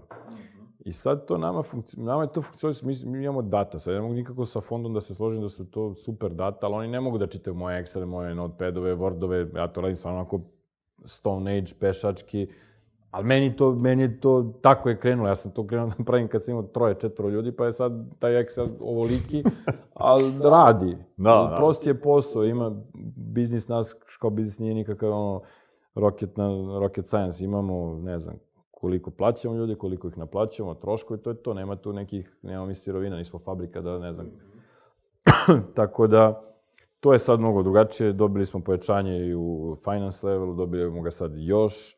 Uh, pravimo te, i, inače smo počeli da pravimo neki software koji će nam pomagati u svemu tome, a i da imamo taj ERP sistem, uh, Quantox ERP smo ga nazvali, ko zna, možda i bude nešto toga kasnije i za šire narodne mase, ali sad će to nešto, će nama pomoći. I taj reporting, ima je to jako bitno da znaju u svakom trenutku sve gde se šta nalazi u najsitnijim detaljima. Tako da je to drugačije. Ovo ostalo... koliko tebi bude teško ono navići se da sad eto imaš još Ma, nekoga kome... Ma nije mi, nije mi, nije mi teško, iako mislim da oni, da su oni ubeđeni kako sam ja ubeđen da su ekseli najbolji, oni nisu, baš ono delegiranje, ja, ja hoću da vam dam, ali eto, imali smo januar mesec, nikako da izdeliveruju oni, a ja, na, pa on, još nismo, evo sad smo, ja mislim, pri kraju svega toga. Meni nije, da čekam. Mhm. Šta će mi da se bavim financijama? Ja nisam, ja sam to prepustio svom bratu. Pa on ima akaunti, pa on ima... Mene to ne zanima, mene zanima posao, zanima me rast, zanima me strategija da pravim, da gradim, da nešto, taj rast, ne znam. Da odemo sad u Ameriku, da kupimo tamo firmu. E, Ja sam rekao, preselit ću se čim budemo kupili firmu, ja ću da se preselim. Supruga je prvo rekla da, posle kao, ne, ne pada je na pamet, što bi se selo, kao imam 40 godina sve ovde, što bi se sad... Ali dobro, putovat ću ja, pogotovo što čekamo sad bebu, treće dete ali putovat ću ja i meni je to u glavi, da onda tu pravim, pa ne znam, strategija Latam, Latinska Amerika, pa da tamo otvorimo kancelarija. Zašto? E, špansko govorno područje, više od pola Amerike priča španski, više, više u Americi ljudi priča španski nego engleski, ista vremenska zona, odatle može isto da se radi mnogo, dosta, dosta deliverija, plus istočna Evropa, i onda je to nekako meni sve zanimljivo. To me ono vozi, kako je pop. Koliko je teško sad uskladiti ovaj, e, sve ovo o čemu govoriš i ono što se dešavalo u prethodnim godinama sa nekim porodičnim životom? Meni nije uopšte, mi smo tu non stop, svi radimo, ja moja supruga, znam sve što se dešava u firmi, ja sam kao i Filip, kad kaže ja nešto pričam, supruzi, ona kao, aha, da, pričamo non stop, ja moram pričam, tu sam, uglavnom sam kući, radim od kući, samo dolazim kad sam krenuo sastanke. Ali to je, ne znam, dva, tri dnevno, tako da sam većinu vremena kući. Meni nije, ne znam, nekako uspevamo da uskladimo. Ranije smo radili i posle pet, sad uglavnom do pet, pet, šest završimo, onda imamo to neko vreme kad moji dođu iz, iz škole, pa do, dok ne legnu 9-10, imamo to neko vreme. Vikend smo, ono, gledamo svaki vikend da smo zajedno što više. Imamo tu košarku, idemo, pratimo utakmice. Sad u subotu ćemo da odemo do Čačka, igramo, boga mi, jedno od odlučujućih utakmica. Tako da odemo, gledamo to, idemo ovdje, idemo ovdje, putujemo dosta. Kad god oni imaju neki raspust, mi smo negde vani, gde smo opet nas četvoro samo zajedno. Mi, mislim da s obzirom koliki je tad ovaj i posao i sve to, i košarka, i obaveze raznorazne, mislim da je poprilično, pop- da smo poprilično ono, usklađeni porodično. Puno vremena smo zajedno. Baš smo vezani, to mi je, baš, baš. Posao raste, raste i neka odgovornost koja je na plećima oniga koji ga vode. I sad sa tih nekih par e, ljudi, pa par desetina, sad je par stotina i pritisak koji je verovatno i na tebi je rastao godinama. Kako si se sa tim nosio? Nemam pojma. Nisam nešto to osjećao, ne znam. Ne pritisak uvek isti, uvek je to isto, samo na, na većoj skali. Pričam baš sa, sa Marinom, on, pre neki dan, kao, je, kad razmislim, ja sam se nervirao isto ako svi imaju pet ljudi, i 10, i 15, i 150, i isto je. I tad sam mogao da izgubim sve što imam, i sad mogu da izgubim, sad, sad sam imao manje, sad imam više, pa onda u principu to neka razina iz, ono, ista. Ne znam, taj pritisak, imamo svi neke te ono oduške, ne znam, sport. Malo sport, malo, malo druženje ovako sa prijateljima. Ne, e, ne, trudim se da ne osjećam taj pritisak, meni to uvijek isto. Pritisak mi je pritisak. Kao, kao, može se uporediti sa sportom. Ist, e, ja to pričam sa mojim prijateljima, pošto imam puno košarkaša koji su bili ozbiljni košarkaši, ozbiljni, ozbiljni igrači.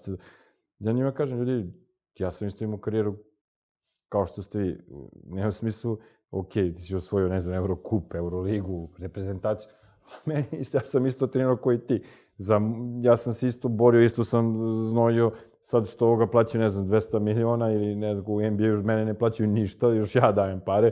Isti je đavo, isti znoj smo, isto sam se trudio, ne mogu kažem da sam se ja manje trudio nego što se trudi, ne znam, tamo neki profesionalac. Samo što ja nisam bio dovoljno dobar, to je sad druga stvar za taj nivo, ali sam isti trud dao. Tako i sad ovo, ja isti trud dajem uvek. Ja sam isto uh, haslovo, ne znam kako kaže to na našem, a me to zanima. Isto sam to radio, isto sam se trudio, isto sam se borio, isto guro, kad smo imali, ne znam, 5, 15, 20 i sad, jer ja ne mogu, sad, ok, aj sad ću danas da radim 60 sati. Ne mogu, imam 24 sata, znači opet tih 8, 10, 12 sati koliko radim, ne znam ni ja. Radim sad non stop za ovog prokletog telefona, ono, non stop mi je tu. Znači, ne samo kad spavam i kad treniram. Ja sve vreme radim, tako da mi je isti taj trud, isto mi je sve. Nisam ja sad odlučio, e, sad idem kao 500 i sad će kao manje. Kao, ne mogu, nisam jednostavno takav, ja uvek moram da maksimum guram. Odluka neka treba da se donese, koliko je tu intuicije, koliko analitike?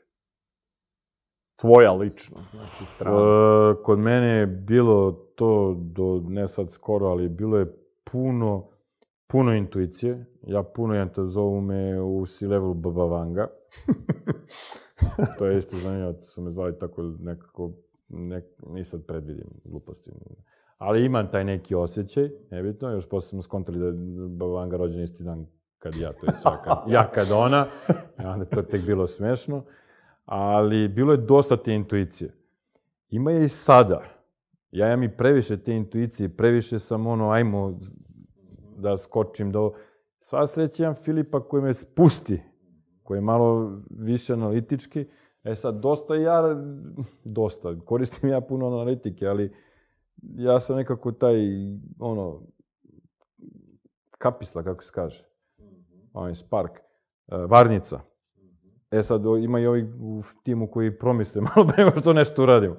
Ali eto, imali smo nekih akcija koje su bile lude, koje nisu ljudi odobravali, tipa, ne znam, 100, 100 praktikanata, gde sam ja tamo otišao kod Nevene, našeg HR-a i rekao, te hoćemo program 100 praktikanata. Kaže, ono, si normalan, kakvi 100 praktikanata, ko će, nas je tada u tom trenutku 300, ko će da vodi tu. Ja rekao, ne znam, smišljajte kako god moramo. I sad nama je to donelo puno, u svakom smislu, i medijskom, i ovom, i onom, i na validnosti, i, i svašta nešto, i do tih 100 smo zaposli 67. Ok, kasnije nije puno njih opstalo, jer nije bilo tako tržište, nije, sad je se sve to poklopilo sa marketom, nisi mogao da zaposliš juniore nigde, nemo, nebitno, ali smo opet, 100 ljudi je dobilo priliku da krene u sve to. Iz tog programa je proizašla naša Quantox Akademija koju sad imamo i koju moja supruga vodi. Eto, njoj sam to uvalio, žena nema veze sa programiranjem, ali super joj ide, s obzirom da ne pomažem ništa, ni ja, ni, ni malo neko iz firme nešto oko kursa, vrlo malo, imamo 200 nešto polaznika, sad pre neki dan mi reče. Eto, to se rodilo iz toga, pa ne znam, imali smo tako, nisu se slagali s tom idejom i sa pravom se ne, ne bi slagali, ali treba stvarno, treba se posvetiti praktikantima, to je i, i ajde što je skupo dosta, nego što je, treba resurs. Treba puno resursa. Ne sve te ljudi da masa programera neće da bude mentor nekome, to je, učiš nekoga da hoda, jel te, treba mora da imaš te sad neke e, kvalitete predavača, edukatora, tako da nije to sve lako, ali eto, imao sam te neka, imao sam milion takvih nekih ideja, dosta njih i neuspešnih i Jel taj deo ljudi kojima si se okružio, koji su negde ovaj, uh, u nekim segmentima i suprotnost tebi, da. se desio uh, eto, nekom igrom slučaja?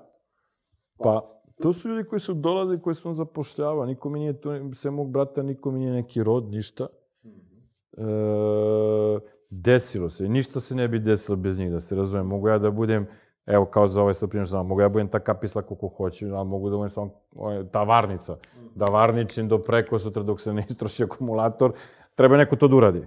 Naravno, to je Filip prevozao, Filip, Daniel, Petar, Ivan, uh, Nevena, oni su to preuzeli, oni su napravili sistem, sve, i to je odradili. Posle kažeš, je, lako imao sam ja ideju. To, to sam imao ideju, to, to je, to je bila ta blesava ideja, ali oni su to stvarno odradili, sada se ne naviti Nevena, muški, ono, do, do, do, do, do kraja.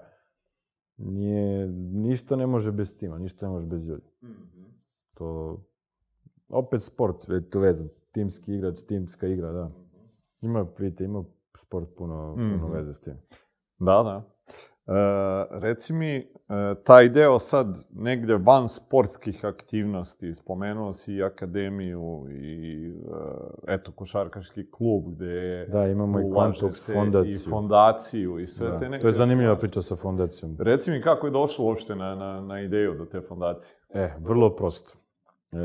pričali smo malo pre o investiranju nekretnina, pa ono, porezi i sve to.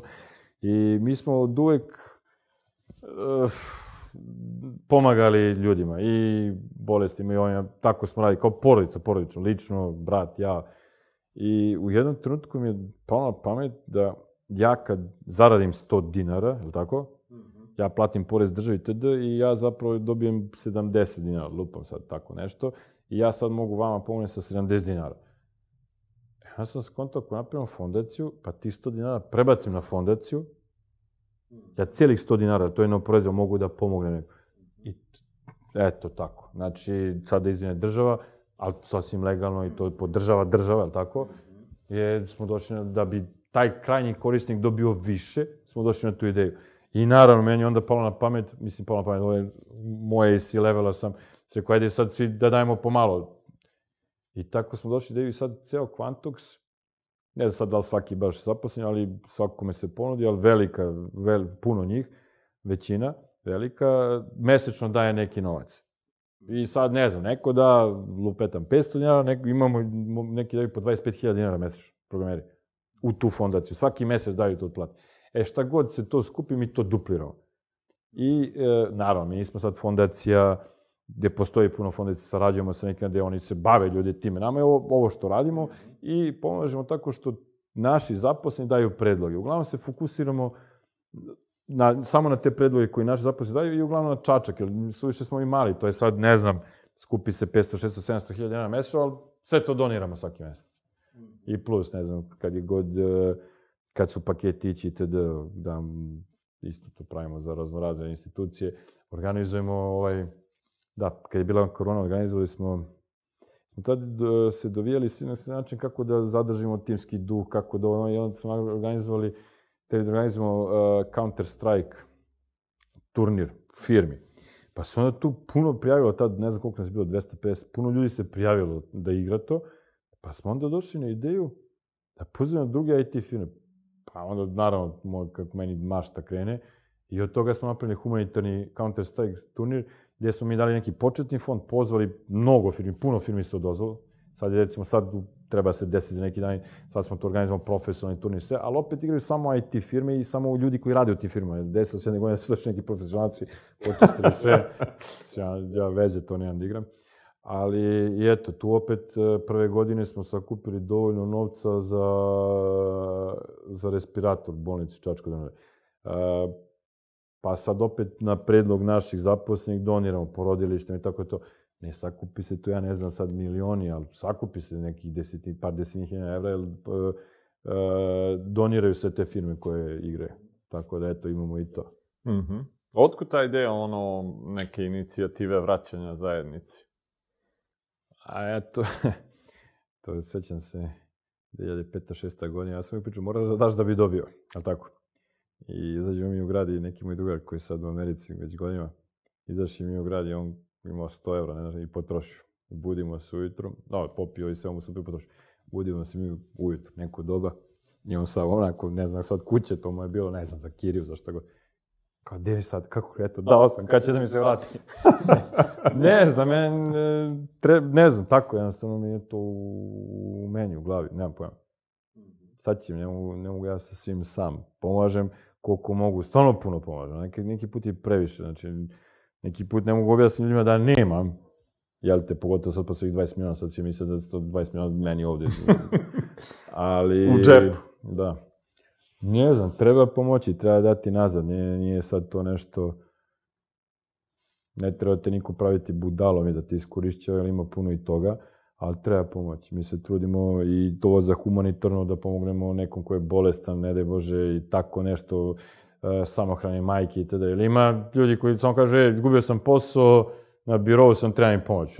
Ili ne znam, neko je tražio sad skoro, lepa stvar, treba mu, to sam zapamtio, pošto vidim te requeste još uvek, uh, šta je beše bilo, postdiplomske studije u, man, u ne znam gde I to je lepo i da sad stvarno imamo toliko, smo sad nekako, ok, ali, znaš, jebi ga, za to sedneš, ideš i radiš i studiraš te postdiplomske uporedo, kao što smo i, ja radio i svi drugi. Da te neke stvari baš i ne možemo uvijek da pomognemo. Ali ovo koje je nekom stvarno potrebna pomoć, kao ne nema, to se trudimo da pomognemo uvek. Kad god možemo. Mm -hmm. e, kroz razvoj firme nekako e, postaje sve važniji taj rad sa ljudima, pošto eto taj neki tehnički deo posla bude u početcima. Koliko si imao u ovim prethodnim godinama ili recimo ajde da formulišemo ovako, šta su neke ključne lekcije koje si naučio vezano za rad sa ljudima? Šta su možda da, a šta ne stvari? Pa to je ono što sam malo pre pričao, nisam siguran da sam baš i naučio. Zato imam druge ljude koji... a, de, ne znam, e, mi smo, u početku sam puno više radio sa ljudima, sa puno više ljudi. Sad recimo ja nemam, mislim što je prirodno, nas ima 500, puno njih i ne poznajem. Drugo, desila se korona, remote rad, 200 ljudi nikad nije ni došao vratno firmu, nismo videli, ono, ne znam kako izgledaju. E, ne znam, u radu s ljudima treba puno želuca, treba puno razumevanja. Razumevanja mislim da je ključni faktor za sve. Sad šta je da, šta je ne, ne znam. To je sad toliko su, ono, od slučaja do slučaja. Ne, ne dozvoljam da mi niko da me niko uslovljava. To ne, koliko god da mi je neko potreban, uh, koliko god, bukvalno da, da umirem, neću dozvoliti da me niko uslovljava, zato što vidi da je u prilici, pričali smo da su programeri, ne znam, u jedno vreme počeli budu razmaženi ovako, to nikad nisam dozvoljavao nikome, niti ću, nema razloga za time, tako da eto to možda, to je meni veliko ne, to, a sad da, da ima, 99% je da kod mene, tako da ne znam šta bi nešto preciznije odgovorio na to pitanje. Mm -hmm. Reci mi, e, kad smo se dotakli sad korone i tog dela remota i hibrid da. i sve to, kako gledaš uopšte sad na taj neki trend koji postoji, e, misliš i da je dugoročno održiv, da će ostati ili da je onako neka prolazna priča? Pa, ovako, kad je, kad je, e, eto, to je bila još jedna luda ideja koju sam imao u to vreme. E, Quantox je bio prva, ja mislim, jedina firma koja je ponudila svojim zaposlenima remote rad godišnje dva meseca. Znači, radi odakle hoće. To nam je bio veliki sales point, da ga nazovem, smo privlačili ljude. A, e, ništa, ja, to sve nije bila moja ideja, da se razumemo. Do, do, I da se razumemo ponovno da 99% ideja ja kopiram od negde možda malo nešto. Ne, ne, nisam neki ono, izumitelj. Ali ja sam vidio da Amazon tako radi šest meseci kući, šest meseci tamo i Amazon produktivni. Ko sam ja da smišljam toplu vodu, ako oni mogu, tako možemo i mi. Tako da smo se, mi smo imali test, ono, ne znam, dve, dve sedmice, pa dva meseca, i kad je krenula sad ta korona, mi smo bili spremni. Mi smo imali sisteme u in place, sve smo imali. A, I e, nama je to tad bilo idealno. Imali smo, imali smo plus, isto smo prvi počeli da otvaramo multiple gradove, jer mi je bila ideja, ka, zašto sam došao na tu ideju, opet, to rade, to su radili svi sa strane, ali ja sam to povezao tako što znam recimo koliko čačani vole svoj čačak, to je Moravu i td. Ja sam konto što bi, što bi ja sad tero tog čačana da dođe u Beograd mm -hmm. i da, ne znam, plati stan, sve ovo, i nije mu to, nego odem ja kod njega, tako smo otvorili sve gradove gde smo otvorili. Drugo, mi nemamo ono plate po gradovima, sad u Čačku smo manja plate ili ne znam u Kragovicu, vi ste su plate a da de facto svi ti ljudi imaju tamo neke svoje kuće već ili imanja i šta god, jeftinije mu je. A i što bi došao u Beograd? Ja, ja ne volim što sam ovde, pa ono, malo, malo, kad god mogu, bežim. Tako da smo došli od toga što je u tom trenutku bilo odlično. Kad je krenuo sav taj remont, ono se obilo glavu, jer ne znam, jedan, jedan naš kolega iz Kragovica se zaposlio firmu koja je, je u Keniji. Tako da onda to se izgubilo smisla, ali dobro, nama je to potrebalo dobrih dve godine i bilo je e, dobro. Kako vidim remote? U početku, kad je bilo ono zatvaranje i šta već, ljudi su bili mnogo produktivni, nisu znali šta se s ovim, svi sedi za računara. I to produktivno se skočilo. E sad, vremenom, naravno, svi smo mi ljudi, svi mi hvatamo krivine, vremenom to počelo da opada. To što je do toga da smo jednom trenutku imali troje ljudi koji su primali platu, ne znam, tri, četiri meseca nisu se nikom javili dok ti to skontaš, dok povežeš i td. Kako ja vidim, mi smo sad mi smo rekli da će uvek ostati, remote će uvek biti opcijno kod nas, ali smo, evo, sad pilot od februara krenuli, zamolili smo ljude koji su bez developera, koji su u menadžmentu, koji obslužuju te back office, sve te ljude koji ih drže na, ono, da budemo firma, koliko toliko da imamo neku kompanijsku kulturu, jer je pre svega teško zbog remote worka, zbog remote uh, poslovanja i opet smo mi outsourcing firma i mnogi rade za druge firme. I onda nema, teško je sad tu stvoriti baš, iako se trudimo, imamo te neke legendarne team buildinge, da, tu, eto, i tu sam imao ludu ideju prošle godine za Formula 1. A, tako da, ja iskreno smatram da je kombinacija, pošto mi socijalna bića, sad ja mislim da je kombinacija u nekom hibrid radu. Če se neko vreme provodi ovde, ne mora to da bude striktno, je sad ćeš, ne znam, toliko i toliko. Mi smo recimo rekli, ajde, sedmično, dva, tri dana da se bude u firmi za ovaj back office. Birajte koji će dana, ne mora ništa, dogovorite sa svojim timom, čisto da vidimo neke ljude kad krenemo. Mi ovde u februaru 2020 smo, ovde imamo dva sprata, recimo, u februaru 2020 smo kupili još dva sprata, samo zgrada pored, i to je, to je prašina, vratno, onda nikad nismo ušli. Tako da, eto, lepo je vidjeti ljude, neke, ispriča se nekim Peters i tako da je. A, tako da, tako ja vidim. Luda ideja. Prošle godine meni padne na pamet da napravimo... Inače, ti team buildingi su nam uvijek bili ono, žestoki i zabave i žurki i bendova i svačeg nečega, ali prošle godine smo vodili celu firmu na Formuli 1 u Mađarskoj. I naravno, ja Baksuz koji sam organizovao, to sve smislio, drug neki dobar se ženio u Kanadi, možda da tamo i nisam otišao.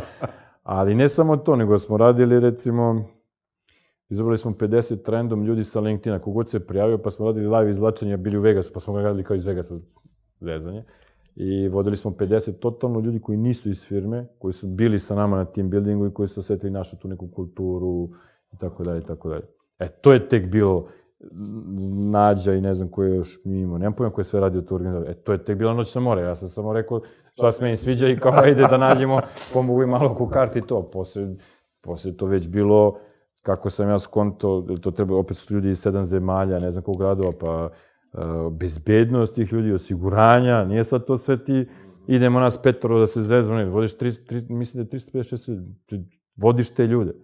Ti si odgovoran za njihovu bezbednost, ne boje se desi nekome nešto i tako dalje, i tako dalje. Eto, eto. Si sad kompanijsku kulturu i mislim da je to ovaj, jedna tema koju veliki broj naših kompanija ovde niti razume. Mali broj njih je to negde počeo da osvešćuje koliko je značajno. Kad ste vi negde osvestili značaj kulture? Pa, zavisi, zavisi u, u, zavisi u kom segmentu, u kom periodu i kako, kojom jačinom. E, ima dosta kompanija ovde koji guraju tu kulturu. Recimo, mi to isto, mi, verujem da smo mi jako popularni, ne popularni, da jako dobro radimo taj neki marketing e, i ne znam, i LinkedIna i Facebooka i svega, imamo puno kontente na sajtu naše, stvarno ima mnogo događaja i meetupova i druženja i svačega, sva, svašta nešto. Dobio sam taj marketing plan, nisam ga pročitao i dan danas, nađe će da me ubije, 77 strana, neko ko će čita. Jer mi smo sve to radili pre ad hoc, mm. kako meni padne na pamet, tako ajde idemo, radimo. Imaju oni redovno što radi i tako se ja ubacujem s nekim glupostima i idejama povremeno. Ali ove godine smo morali da radimo budgeting prvi put, zbog fonda, sve, jel te svega, i onda su oni to sve precizno radili, ja kad sam vidio 77 strana, neko ne može čitati. Ali, zavisi u kom, uh, u, kom periodu našeg postojanja. Te kompanijske kulture su u startu bile, na, kad je bilo nas, ne znam, dvoje, troje, četiri, pomenuo sam roštilje. Više smo roštiljali nego što smo ono, bili u kancelariji, ali to je tako, ta neka zabava, druženje, drugarstvo, i onda smo tako po tome bili poznati. Ja sad, kako se širimo, to je mnogo, mnogo je teže to distribuirati, jel tako? Jer ja znam, masu puta čujem da nek, neko koji radi u našoj firmi ili koji je tek došao nešto, ispriča nekom nešto koje veze nema sa našim načelima, sa onima što mi propagiramo, što naše vrednosti, ništa. Ali to je sad umetnost i znanje doći do tog čovjeka koji je došao poslednju firmu, da se on osjeti delom te kulture. Dobiju svi oni, oni što ja kažem, bukvartu, opremu, welcome kit, šta god, bukvar, ja ga zovem tako, naša pravila, ali to vjerojatno niko nikad u nije pročito, pita, ne znam da li znaju da postoji, vjerojatno to preskoče. Ali eto, trudimo se na neke te načine. Mnogo je teže sad to zbog korone, s tim što smo outsourcing, jer mi nismo sad recimo da imamo neki naš proizvod pa pravimo kola, pa ne znam, ovi prave, rade oko mehanike, ovi oko vrata, ovi oko interijera i, i tako dalje, ovi prave auspuh, izduvni, pa kao, a svi smo zajedno tim. E sad je ovdje to malo teže, malo više. Ali ima puno naših firmi, mislim, da, da, ne, mora pomin, da ne pomijem sad nešto imena, mada mi se, ima puno naših firmi koje rade izuzetan marketing, meni se sviđa. To je ono što ja vidim.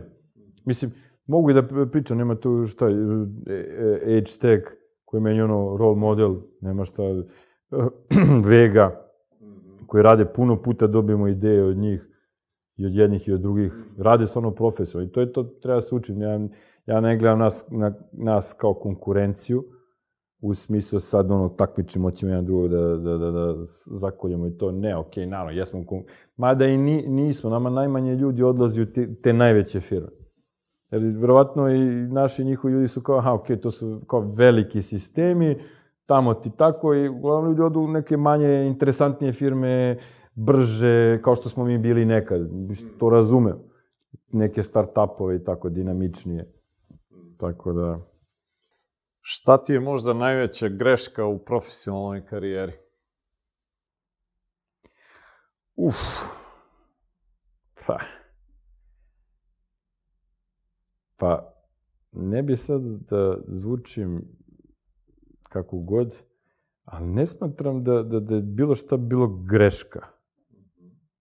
Ne bi ništa sad vratio. Mislim, greška. Ok, sad za poslovanje kompanije možda smo od jula meseca do sad trebali da uh, se pozdravimo sa, ne znam, 30, 40, 50 ljudi koje smo držali tu finansijski, ovi mi pričaju iz fonda da je to greška. Ja ne smatram da je greška, zašto? Jer sam imao, ja sam plan, ja to, prvo ti ljudi su i, dragi ljudi, dobri ljudi, kvalitetni ljudi, došli su tu, namučili smo se ih da dovedemo, smo rizikovali da ostanu tu, da ćemo naći klijenta, da nećemo. Nadali smo se sve vreme da ćemo naći, imali smo pregovore, sad ugasilo se, svi su ono, froze, zamrzli sve, ali eto, kao to mi sad nešto pripisuju kao grešku. Eto, je li greška ili nije? Ne znam da li je greška. Da li bi opet uradio isto? Ja bi opet vjerojatno uradio isto. I svaka greška te nauči nečemu, tako da ne bi to rekao je sad pogrešio sam Jevi ga, u sportu pogrešiš pas, ne znam, otko znam, vjerojatno sam imao milion, mali milion grešaka, ali te greške mi, te greške me prave onime, onim što sam danas, što ću biti sutra i, i uvek, jer to me uči, neću sledeći put. Sledeći put ću znati, da nisam to uradio, opet bi kad, to, kad tad napravio tu grešku. Nis, mislim, ono, super i učiti iz tuđih grešaka, ali nisam baš nešto, ne verujem baš nešto u to, ja dok ne, naučim na svoj grešci, teško mogu sa tuđih, vrlo, vrlo malo. Tako da, ne znam te neke profesionalne greške. Mislim da nisam još uvijek nešto napravio čega se kaje. Ako, ajde tako da kažem. Grešaka mali milion, dnevno imam ih koliko hoćete. Ali da se kajem, ne. Samo se ne kajem ničega u životu. Mm -hmm. Šta je možda nešto kad, ako probaš da gledaš sebe onako objektivno i smatraš da je neka tvoja najznačajnija vrlina koja je doprinela tome da biznis kakav danas imate bude tu negde gde jeste. Pa to me baš sad pričamo u posljednje vreme. Šta je doprinelo da dođemo do ovde i da, i da li sam i koliko sam ja dobar da nastavimo dalje. To je sad poenta. Ja uh, sam, da me Nevena pre neki dan zamolila kad se budemo nešto obraćali firmi u vezi sad tržišta, Kaže, aj samo ti, samo Vuk da ne priča, kaže, ali ti si više emotivan i što na, što na um, to na drum. Mm -hmm. ja rekao, dobro, ajde, okej, okay, znam. A, ne znam, možda to što sam takav otvoren sam prema ljudima, uh, jesam emotivan, savladim emocije, nemam to herca da otpustim ljude, uh, ali opet imam tu, tu energiju. Stvarno imam energiju, znači, gde smo mi putovali, nek, imali smo dve godine za redom, 33, 36 sajmova, 118 i 115 letova godišnje te dve godine. Znači, tu energiju sam crpio i crpim tu energiju iz svojih saigrača, svojih kolega. Tako da verujem da nas je to dovelo sad dovde negde. E sad, kad smo dobili te institucionalne novac. Priznati smo kao firma, god sad nema, sad se ide sledeća runda, bla, bla, bla. Da li sam ja prava osoba za taj profesionalizam ili nisam, ne znam. A možda, možda ako treba da budem, možda ne želim. Nije mi, nije mi, nisu mi brojke sve u životu, novac mi de facto nije, tako da vidjet ćemo. Ja ću se potrudim, tu sam, u timu sam, a kako će da bude, ne znam. A, mislim da je to dovelo do ovde. Da li će to biti dovoljno da ja da budu ti profesionalci. To su, ja to zovem, to, ajkule su sve u biznisu. To mora, mora da bude čovjek da ima i tu drskost i bezobraznost kao u sportu, što razlikuje one, one koji su baš uspeli i koji nisu. Ja ne znam da li to imam. Mislim, mislim da iskreno nemam, ali me pa baš i briga jer nije sve posao u životu, toliko lepih stvari ima mimo posla, tako ja sam zadovoljan sa svim što sam postigao, nikad nisam ni sanjao da ću bilo šta, bilo, nisam nikad ni planirao, nije, koji ti bili cilje u životu, nisam nikad imao cilje, samo da, eto, bude sve okej, okay, tako kažem. Biće sve u redu, to je moja uzrečica. I vidjet ćemo da li sam dobar za next steps. To je sad ono to be, to be seen. Nemam pojma. Dobro. Ali ako bi gledao neku idealnu sliku, recimo, kompanije u narednih 5 do 10 godina, kako je ti vidiš? Ja, tako što ćemo akvizirati kompaniju u Americi, gde će biti ono, proper, prava američka kompanija koja će imati 50-100 zaposlenih u Americi, odakle ćemo raditi e, prvenstveno sales, gde ćemo jačati kompaniju ovde i u regionu raditi akvizicije, rasti, otvoriti Latinsku Ameriku, ne znam, Skandinaviju, tako nešto što se tiče tih salesa, ali sales dolazi sa zapada, ali tako? E, I ne znam, vidim nas na mnogo većem brojčanom stanju, mnogo se to profesionalnije, ali ja kao neki e, vođa ili šta god, možda više ono iz back office-a, ne direktno s ovim majkulama, ali ja ne mogu, ja takav sam, ne mogu nešto da tu... Juče smo imali neke pregovore, pomenuh malo pre, gde je Filip to odradio profesionalno i mi smo do ne znam, ono što smo zahtevali dan pre, gde su oni rekli, ma nemaš šanse, ne, su nešto ponudili mi rekli ovako, oni kao, ne, ne, ne, sutra su došli i sve to prihvatili. Ja bi im još juče rekao, ajde, samo mi se skinite s glave, ne mogu da slušam, eto vam sve, briga me, nisam tak, nije mi, da ću sad da uzmem neko 5% više, 10 manje, ovoliko, ovoliko para manje, više, meni to, ni takav sam, jednostavno, to ne zanima. Ja bih rekao, okej, okay, ne, ne zanima me, pa znači se ja s druge strane ne treba mi, znači, e, Tako da, to, je, kako, to su baš sad aktualne teme kod nas, kako ja vidim sebi, vidim tako da e, mogu negde i senke. Znam ja tačno šta treba da se uradi sad, da li neko i takav sam neki put ne mogu da ispregovaram to sve, ali... Mm -hmm. Dobro. Šta bi bili tvoji saveti za nekoga ko je ili u razmišljanju da uđe u preduzetničke vode, ili je na počecima, I kad sagledaš sad ovako negde iz svog životnog iskustva, šta bi rekao tim ljudima kao neke sugestije? Ja, ne, ja mrzim da dajem savete. Prvo što ne smatram sebe ništa bitni da dam bilo kojem bilo kakav savjet, to je pod jedan. Sad kad bi rekao onaj kliše, budite uporni, to je stvarno tako, to nema, znači budi uporan, radi kao mazga i to je to, znači kad ta će doći. E sad, nisam ni zagovornik onoga, to mi ono popriču muka, kažu svi da budemo preduzetnici, svi idemo da budemo. I to nije prirodno. Masa ljudi, ja mislim da po istraživanjima, ne znam, 95, 90% ljudi su followeri u smislu da su zaposleni radnici, tada 10% njih su, ne znam, direktori, vlasnici, ali treba imati želuca za to. Znam puno ljudi koji, koji to ne zanima. Rade, ljudi imaju svoj posao, dobro su plaći, ništa im ne fali. Neće dodatnog stresa, neće ovo, neće ono. Ja ne znam da bi mogao se prešaltam ikada na to. Vratno je to u, u spoju same ličnosti, tako da ne, ne volim da savjetujem nikog ništa, sem da ko se, uh, mislim da se to rađaš jednostavno sa tim. Mislim da se teško pravi neko ko je preduzetnik, vođa, hasa i tako dalje. Mislim da to, mislim da se teško to pravi. Mislim da se s time rađaš i da onda jednostavno samo osjećaš potrebu. Ja ni, ni, sam sam imao inerciju to mene. Niko nije trebao da tera da bilo šta rade. Ja sam uvijek ispadao iz sistema. Znači, sistem bio školovanje, ok, to sad sve, meni, ja idem van toga, hoću ono što sam ja zacrtao.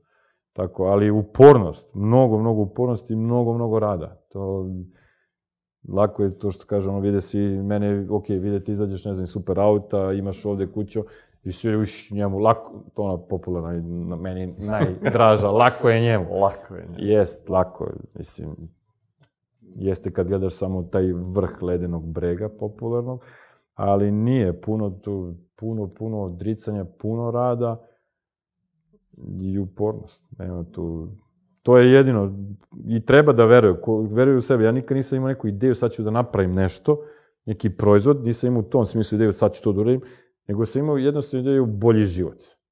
Imao sam ideju u život kakav želim da živim. I meni je taj, meni je taj, taj proizvod koji sam ja napravio, je taj moj život. E. I to, uvek to, to, toga se držim, znači, i to, uvek guram ka tome. Imam sreću da radim posao koji volim, samo sam sretan u svemu ovome, jer stresno jeste, mnogo je stresno, stvarno je stresno, znači to je klijenti na ovoj strani, ovde su zaposleni, ovde ovo, ovde otkaže onaj, zakaže ovaj.